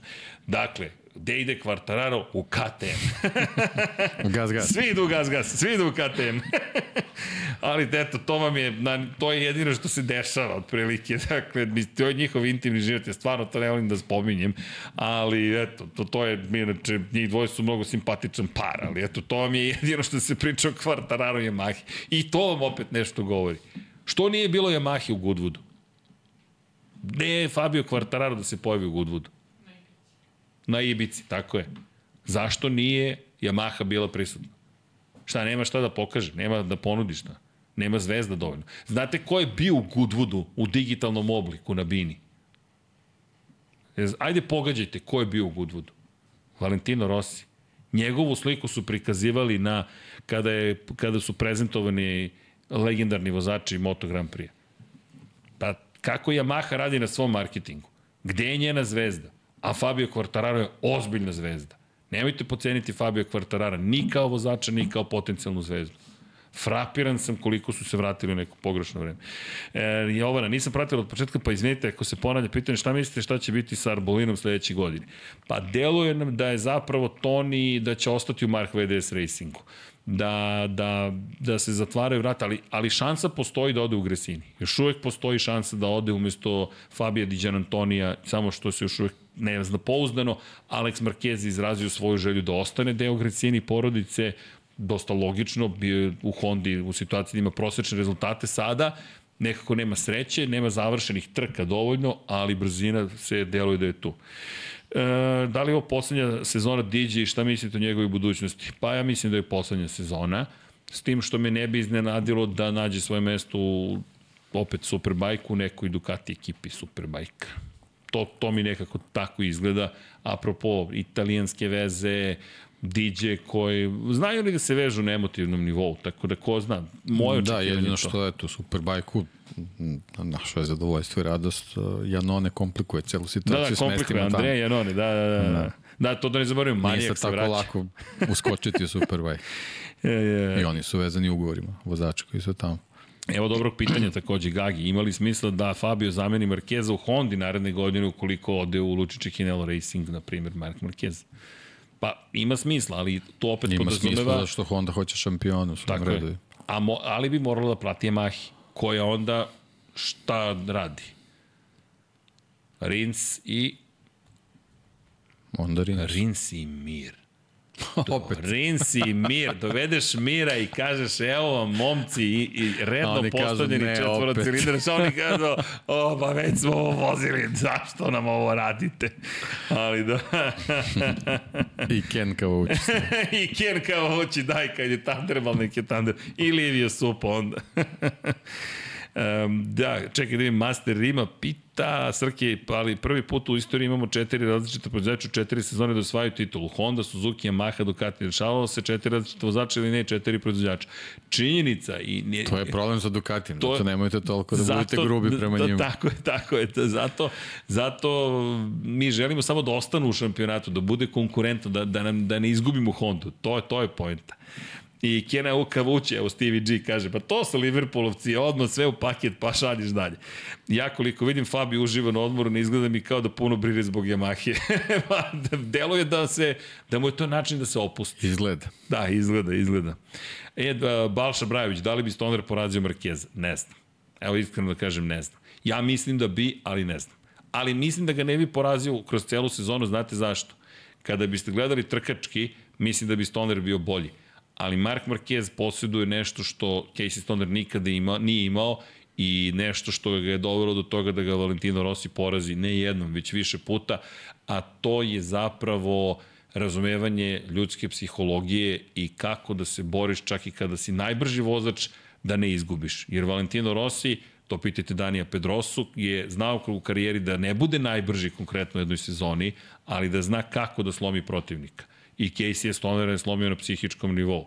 Nije ga slomio samo na vozačkom, slomio ga je u Laguna Seki, ali to su posledice pre svega bile psihološke. Casey nije bilo jasno da neko može tako da se ponaša u borbi kada je to samo trkanje. Ne, i to ono što Deki pričao u utorak, apropo šampiona Formule 1, u kom momentu dolaziš u bukvalno koloseum i počinje da se igra gladijatorska igra. Pa ne, dolaziš u iskušenje da tvoja ličnost u životu i u kokpitu nije ista. Ako hoćeš nešto da uradiš. I to je to. To ne znači da je iko tu surov, dakle mi govorimo o sportskom takmičenju, da je ovo upravo savršeno lepo opisao, često to pričamo. Dakle, Marquez, moje mišljenje šta bi radio Stoneru, isto što i Valentino Rossi.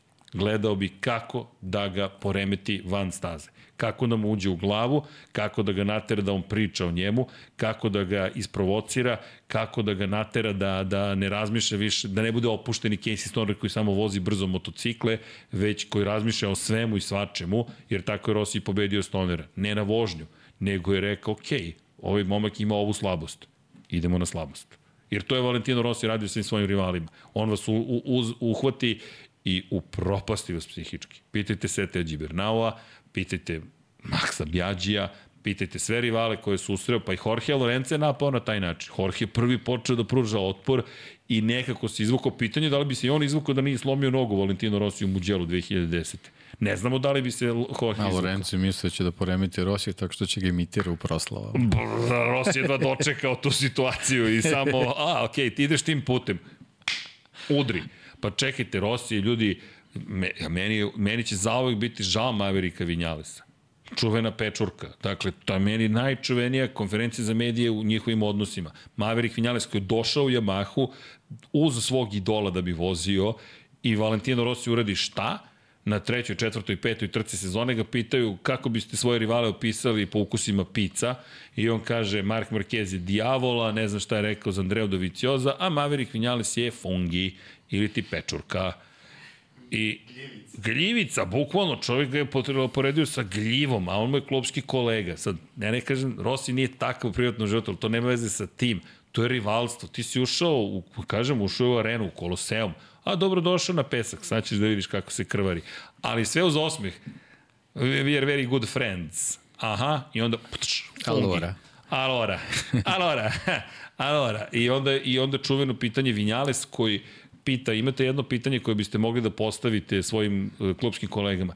Kako je Valentino tako brzo u nedelju? Zato što se štedi u petak i subotu, jer su godine već tu i nema nameru da ti pokaže ništa do nedelje. Tako da Valentino Rossi, misli da bi Marquez ukupno dobio tu bitku, ali ako gledate Stoner, to i Rossi na kraju rekao, u Ducatiju rekao, ja ne znam kako je čovjek vozio ovaj Ducati. Zaista, ne, ne, ne razumem. Ne razumem podatke koje gledam i Stoner je bio jedan od prirodno najtalentovanijih vozača koje smo ikada videli, ali to ne znači da je to čovjek koji može da osvoji sedam titula šampiona sveta, jer za to nije dovoljno samo da budete brz vozač, kvalitetan vozač, to ne umanjuje da se razumemo šta su i Valentino Rossi i Mark Marquez, ti nivoji o kojima mi pričamo vožnje, to su stvarno vanzemaljci. Ali, kada gledate kompletnost jednog vozača, najkompletniji, pa verovatno su Marquez i Rossi najkompletniji vozači. Dakle, Marquez je dete nove generacije, promenio je stil vožnje, Valentino je pro, pokorio i dvotakne i četvorotakne i Hondu i Yamahu i ne znam šta sve nije uradio i rizikovo i sa Ducatijem, ali na kraju dana kada pogledate i kada su se oni sukobili, sukobili su se ljudi koji su vrlo dobro znali psihologije suparnika zapravo. Možda je malo Rossi pocenio spremnost Marka Markeza i za autodestrukciju, kako god, ali činjenica je da, da, da, da, da su to stvari kojima često pričamo kada poredimo.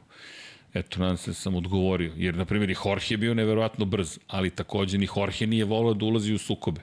Nestabilan. Nestabilan. Po tom pitanju. Da, da, da, ne, nije, nije, nije. Jorge je hteo da bude voljen. I on dođe Valentino Rossi koji je najvoljeniji od svih i kaže, ovo mi je rival. I publika krene. U, bu, a, u, a, bu, u, a, bu. I ti sad izađeš na pobjedičko postolje i gledaš kako ti 70.000 ljudi zviždi. I izgubiš čupa čups. izgubiš čupa čups, bukvalno izgubiš sponzorstvo. Jer ga, čekaj, sad niko te više ne voli. Zašto? Pa nije se promenio, nego je Rossijev rival. I to, to je priroda stvari, ljudi, ne, ne, ne treba to gledati lično. Evo, Jorge Lorenzo dan danas vozi na ranču sa Rosijem. I to je ono što je fascinantno. Sve što im je uradio kroz karijeru, oni dalje su u fazonu, e, zvao me Rossi na ranč, zvao me Vale na ranč, e, idemo na ranč.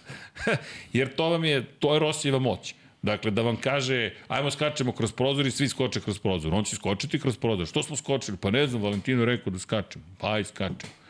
Ali to je harizma, jedna magnetna koja se ne kupuje. I na kraju dana... I traje. I traje. Jedina osoba s kojom i dalje u sukobu je Mark Marquez. I Casey Stoner ima jedan kulturan odnos, ali nikad nisu bili više posle Laguna Seki na tom nivou na kojem su bili ranije. I Casey koji izjavio, posle toga sam rekao, je, neću ti više nikad pomoći da osvojiš titulu.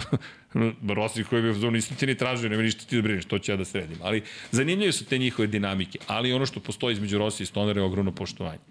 I to je uvek postojalo. Čak i posle tih sukobe, to je ono sa, čak i posle čuvene izjave Herezu, to je talenat tvoja ambicija prevazilazi tvoj talent.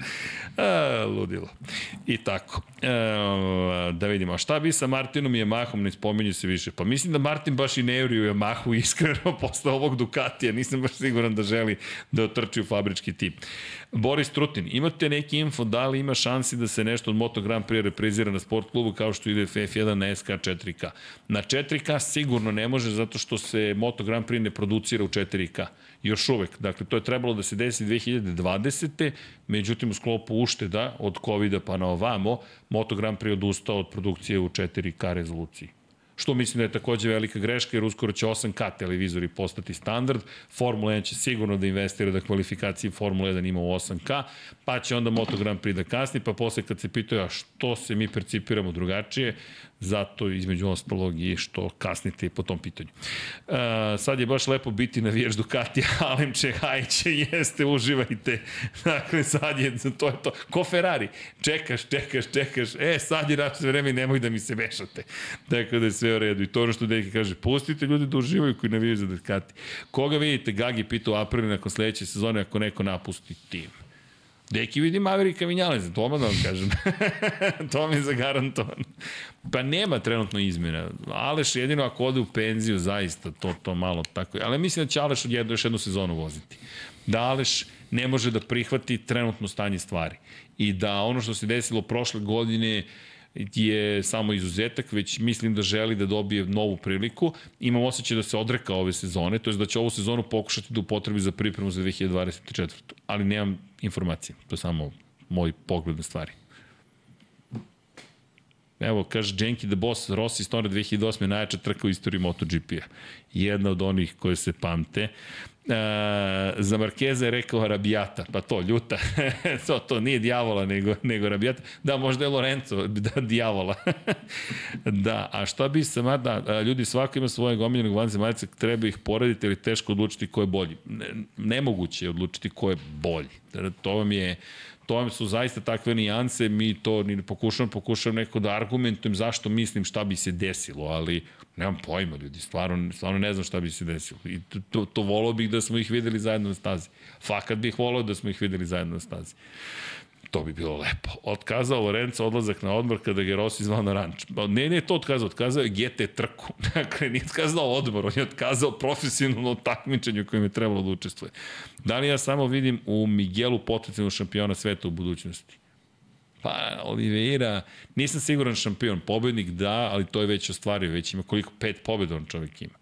Ljudi, pet, pa za njega je taj korak, pobjeda. ako, ako Aleš odluči da je dosta da, da Miguel e, dobije e, da, mesto to, u fabričkoj aprili. To, to, to, I bravo. I to je onda to. Da, da. Evo ti, majstore, pokaži šta znaš. Kaže Gagi, zašto nosite slušalice tokom podcasta?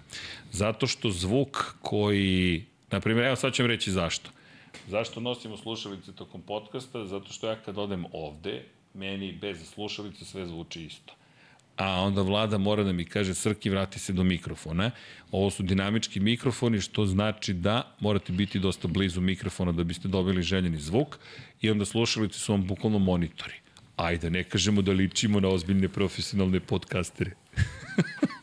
ali postoji razlog, dakle, samo se naviknete, u 99 yardi ih, na primjer, ne nosimo, jer smo već naučili da budemo uz mikrofon, ali ja više volim da, da imam u slušalicama da, da, da, da mogu da čujem. Druga stvar, kada vlada nešto pusti, na primjer, od video materijala, bez slušalica mi to ne možemo da čujemo. Pa eto, to su glavni razlogi. Vidite li Marka Markeza naprili da se pokuša vratiti na stare staze slave? Teško. Treba to mnogo para. I dalje.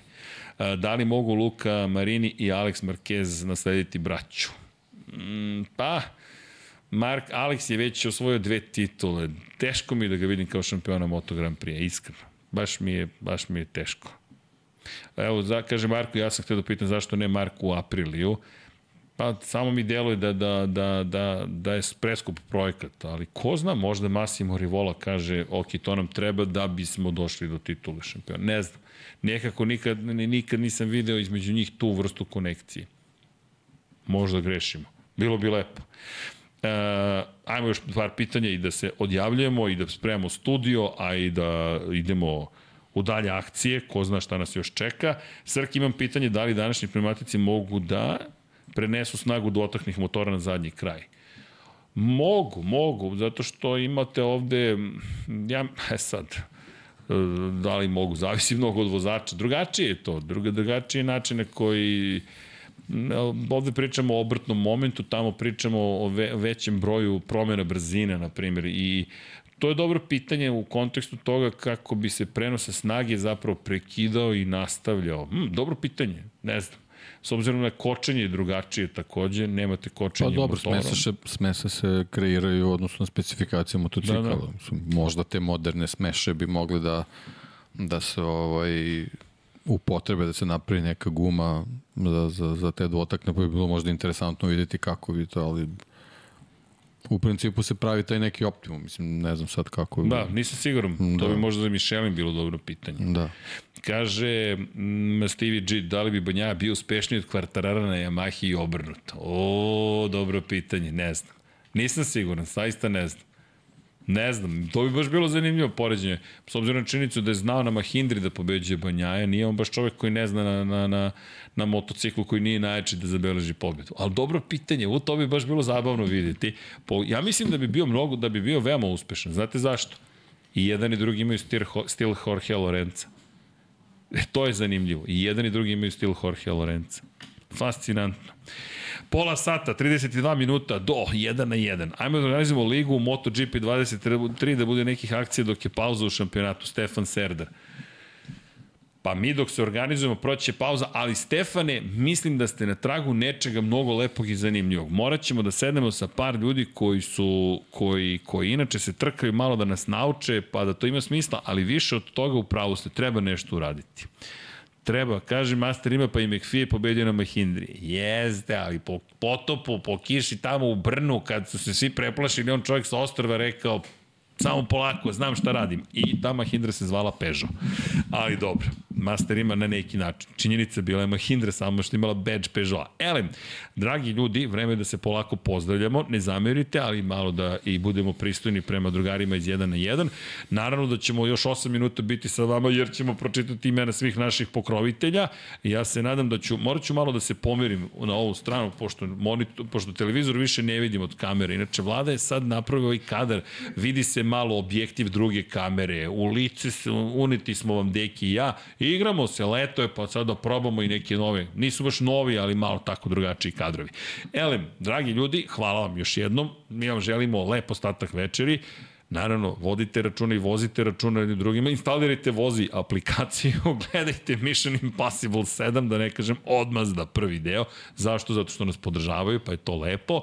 S druge strane, kliknite like, share, subscribe. Hvala još jednom svima, zaista, ne, ne, nemamo reči, oduševljeni smo i hvala na svoj podršci, svim lepim rečima, kritikama, pohvalama, svemu, bit ćemo tu, trudit ćemo se i dalje da, da, da, se rast, da rastemo i da se razvijamo, važnije od toga da i dalje volimo motociklizam, Formulu 1, sve ono što, dakle, smo i krenuli od ljubavi i da se družimo zajedno sa vama. Držimo palčeve da će sezona uskoro biti spektakularna, to je da će se nastaviti za početak pet nedelja, neki stvarno je kao čitava večnost, kao da zaista neka druga godina počinje, a pride nas čeka 12 trka, imali smo ih samo 8 do sada. A vidiš, dobar potes su napravili, zamisli po ovim vrućinčinama da su, da su izlazili na staze. Dobro, ima smisla, ali da. Kazahstan, kako bi vreme sad, kako je vreme sad u Kazahstanu? Pa, nemam pojma. Sad si me, ajmo da vidimo u Kazahstanu koje bi, pa, dobro, sad. koje bi bilo vreme u Kazahstanu. Koje bi bili vremenski uslovi Sokol staza. Čekaj, search. Sokol. Race track. Ajmo, race track, weather. Evo da vidimo da li bi bilo ladno ili bi bilo vruće. Hmm. Weather za Sokol except cookies and continue. Temperatura kaže 16, 14, 18, 21, 19, 20. A zato su izabrali možda Kazahstan. Pa možda. Ima smisla. Dobro, da. nešto novo smo naučili. E, u svakom po Evropi slučaju, bi bio haos da, po da su napravili kalendar. bio da. haos. Dragi ljudi, hvala još jednom. I kaže, obavezno specijalo Lorencu, Stoneru i Šumahiru. Pikeras na Leopardu mišljenje, pa ne znam, ne, ne znam da li pregovaraju sa, sa Pikerasom. Bilo bi lepo da, da Kotor i kompanija dobiju Pikerasa, ali ne znam, nisam čuo da su da Jer su, ne, jeste, potpisao je. Potpisao je, izvinjavam se. Da, vidiš, Mio nam to nije javio. Da, da, da, da, da, da, da. E, e, e, kažu da je potpisao, tako? Da vidimo, dalje zaista, Rikard Hove je ispalio taj status. Pa da vidimo, a, a, a, č, ali to piše Rikard Hove. Richard Hove je čovjek koji je zanimljiv. S obzirom na činjenicu da je to čovjek koji čekaj da vidimo samo sekund, molim vas. Ajde da proverimo da li je to pouzdano.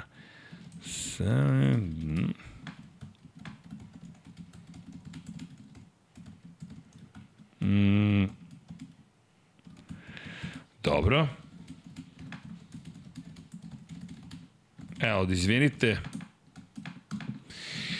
E, dobro, ajde da proverim. O, to je vest koja je, koja je trač, ali ne znam da li je to potvrđeno ili nije. Ajde, evo, saznaćemo. Ukoliko je istina, mislim da će to biti fantastično.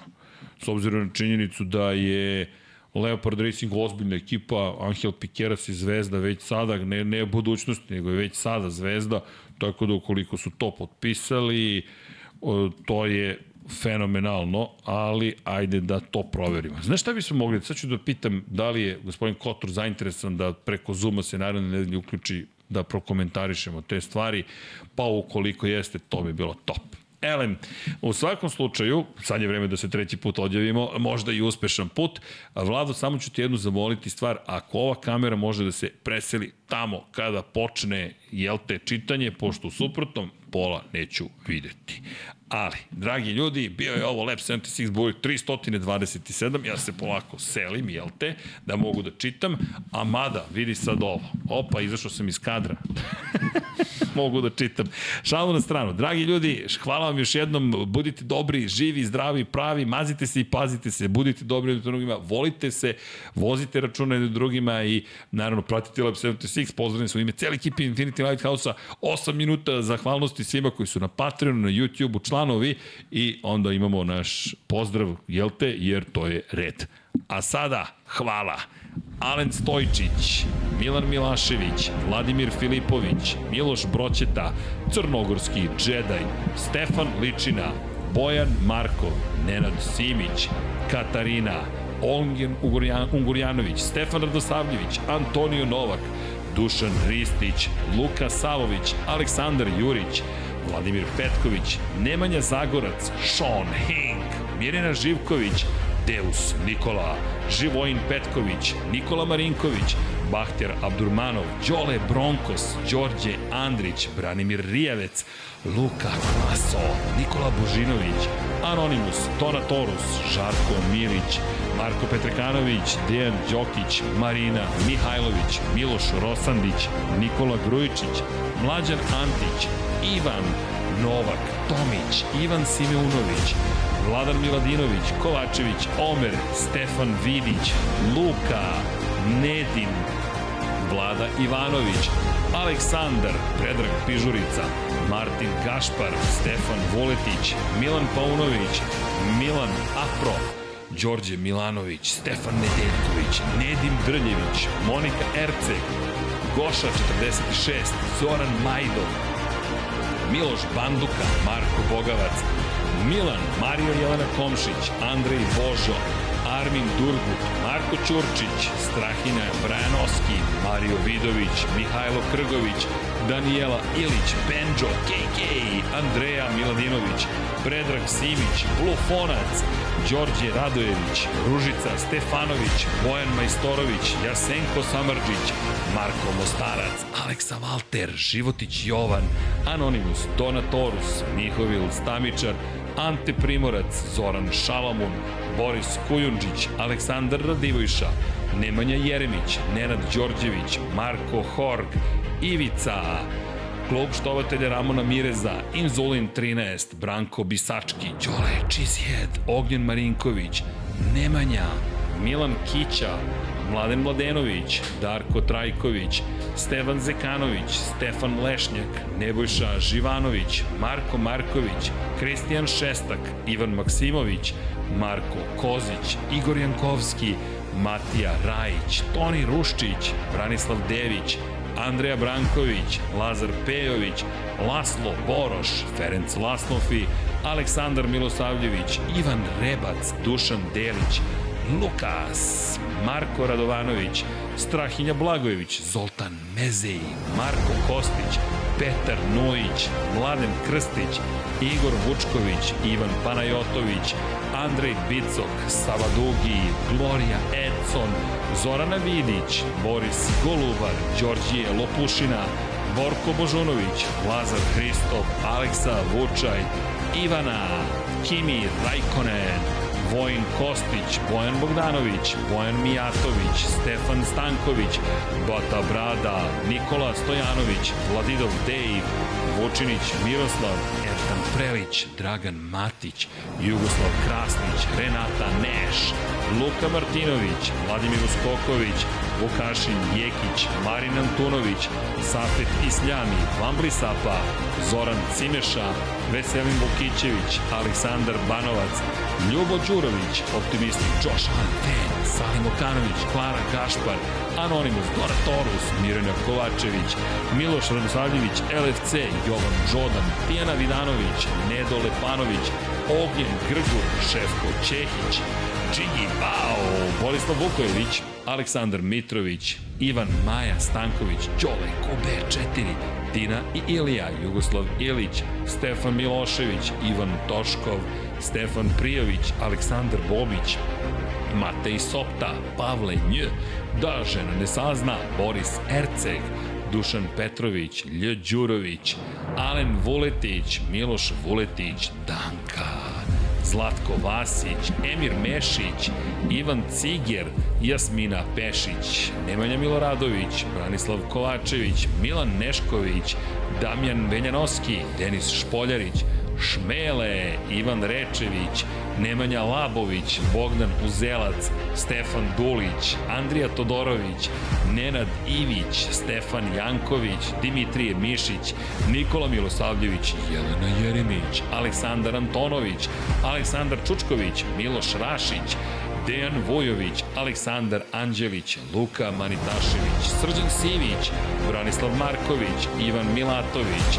Daniel Kolobarić, Dorijan Kablar, Neđo Mališić, Aca Vizla, Sead Šantić, Đurđica Martinović, Vladimir Mutić, Josip Kovačić, Miroslav Cvetić, Mladen Tešić, Vukašin Vučenović, Vladimir Jovanović, Grgo Živaljić, Jelena Veljković, Armin, Vladimir Stojadinov, Đerman, Miloš Todorov, Vuk Korać, Aleksa Lilić, Saša Ranisavljević, Jeca and Stefan, Jelena Mark, Borislav Jovanović, Marko Blagojević, Milan Ristić, Vanja Radulović, Filip, Igor Gašparević, Branislav Milošević, Branko Rašević, Uroš Ćosić, Resničanin, Bojan Gitarić, Ehel, Stefan Škrbić, Slaven 84, Marina, Aleks Vulović, Saša Stevanović, Maksi, Igor Ilić, Ivan Hornjak,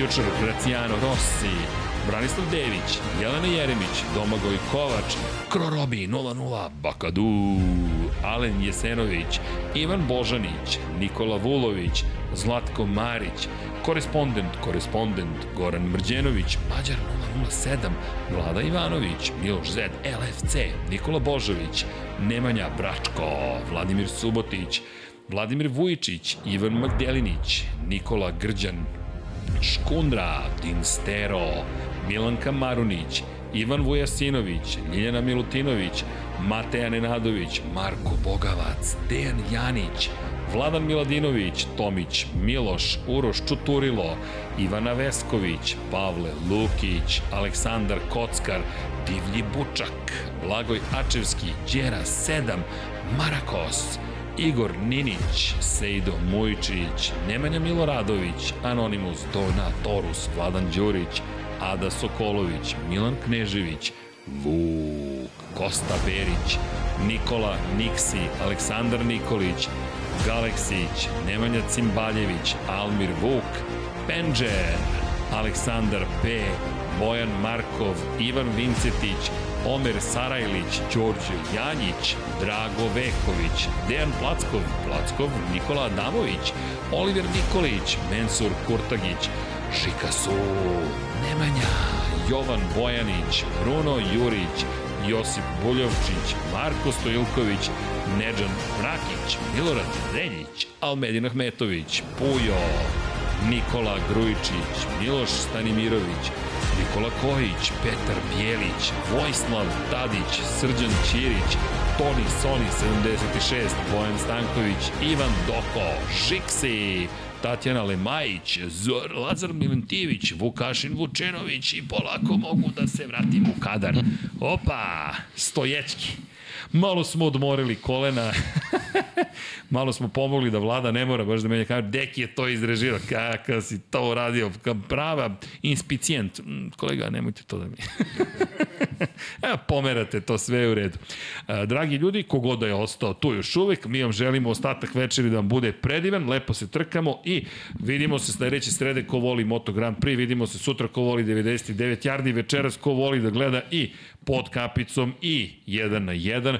Ko voli da, ne znam, gleda nešto drugo, pa pratiti neke druge kanale, samo budite dobri, veseli, radujte se, život je lep, čak i kada je teško, to je Moto Grand Prix, da ne kažem tu je Lab 76, tu tu su, to je cela ekipa, tako da, inače, kogod da se bori, pogotovo u nekim teškim periodima, vremenima, živo, životnim ili u ovom slučaju vremenskim, samo polako. Ljudi, ponekad je samo neophodno biti staložen i nemam baš neke reči koje mogu da vam kažem da, da vam dam rešenje instant, ali ono što mogu da vam kažem, nasmite se, tu je ekipa koja je svašta proživela, pa eto, neka vam bude, ne mogu kažem baš uzor, možda to ni najbolje nismo diplomirali, ali možda možemo da vam budemo razbibriga. To je reč koju sam tražio i želim vam lep ostatak i vikenda. Ko gleda Formulu 1, uuuu, kreće Hungaroring. Daniel Ricardo za pobedu u Alfa Tauriju.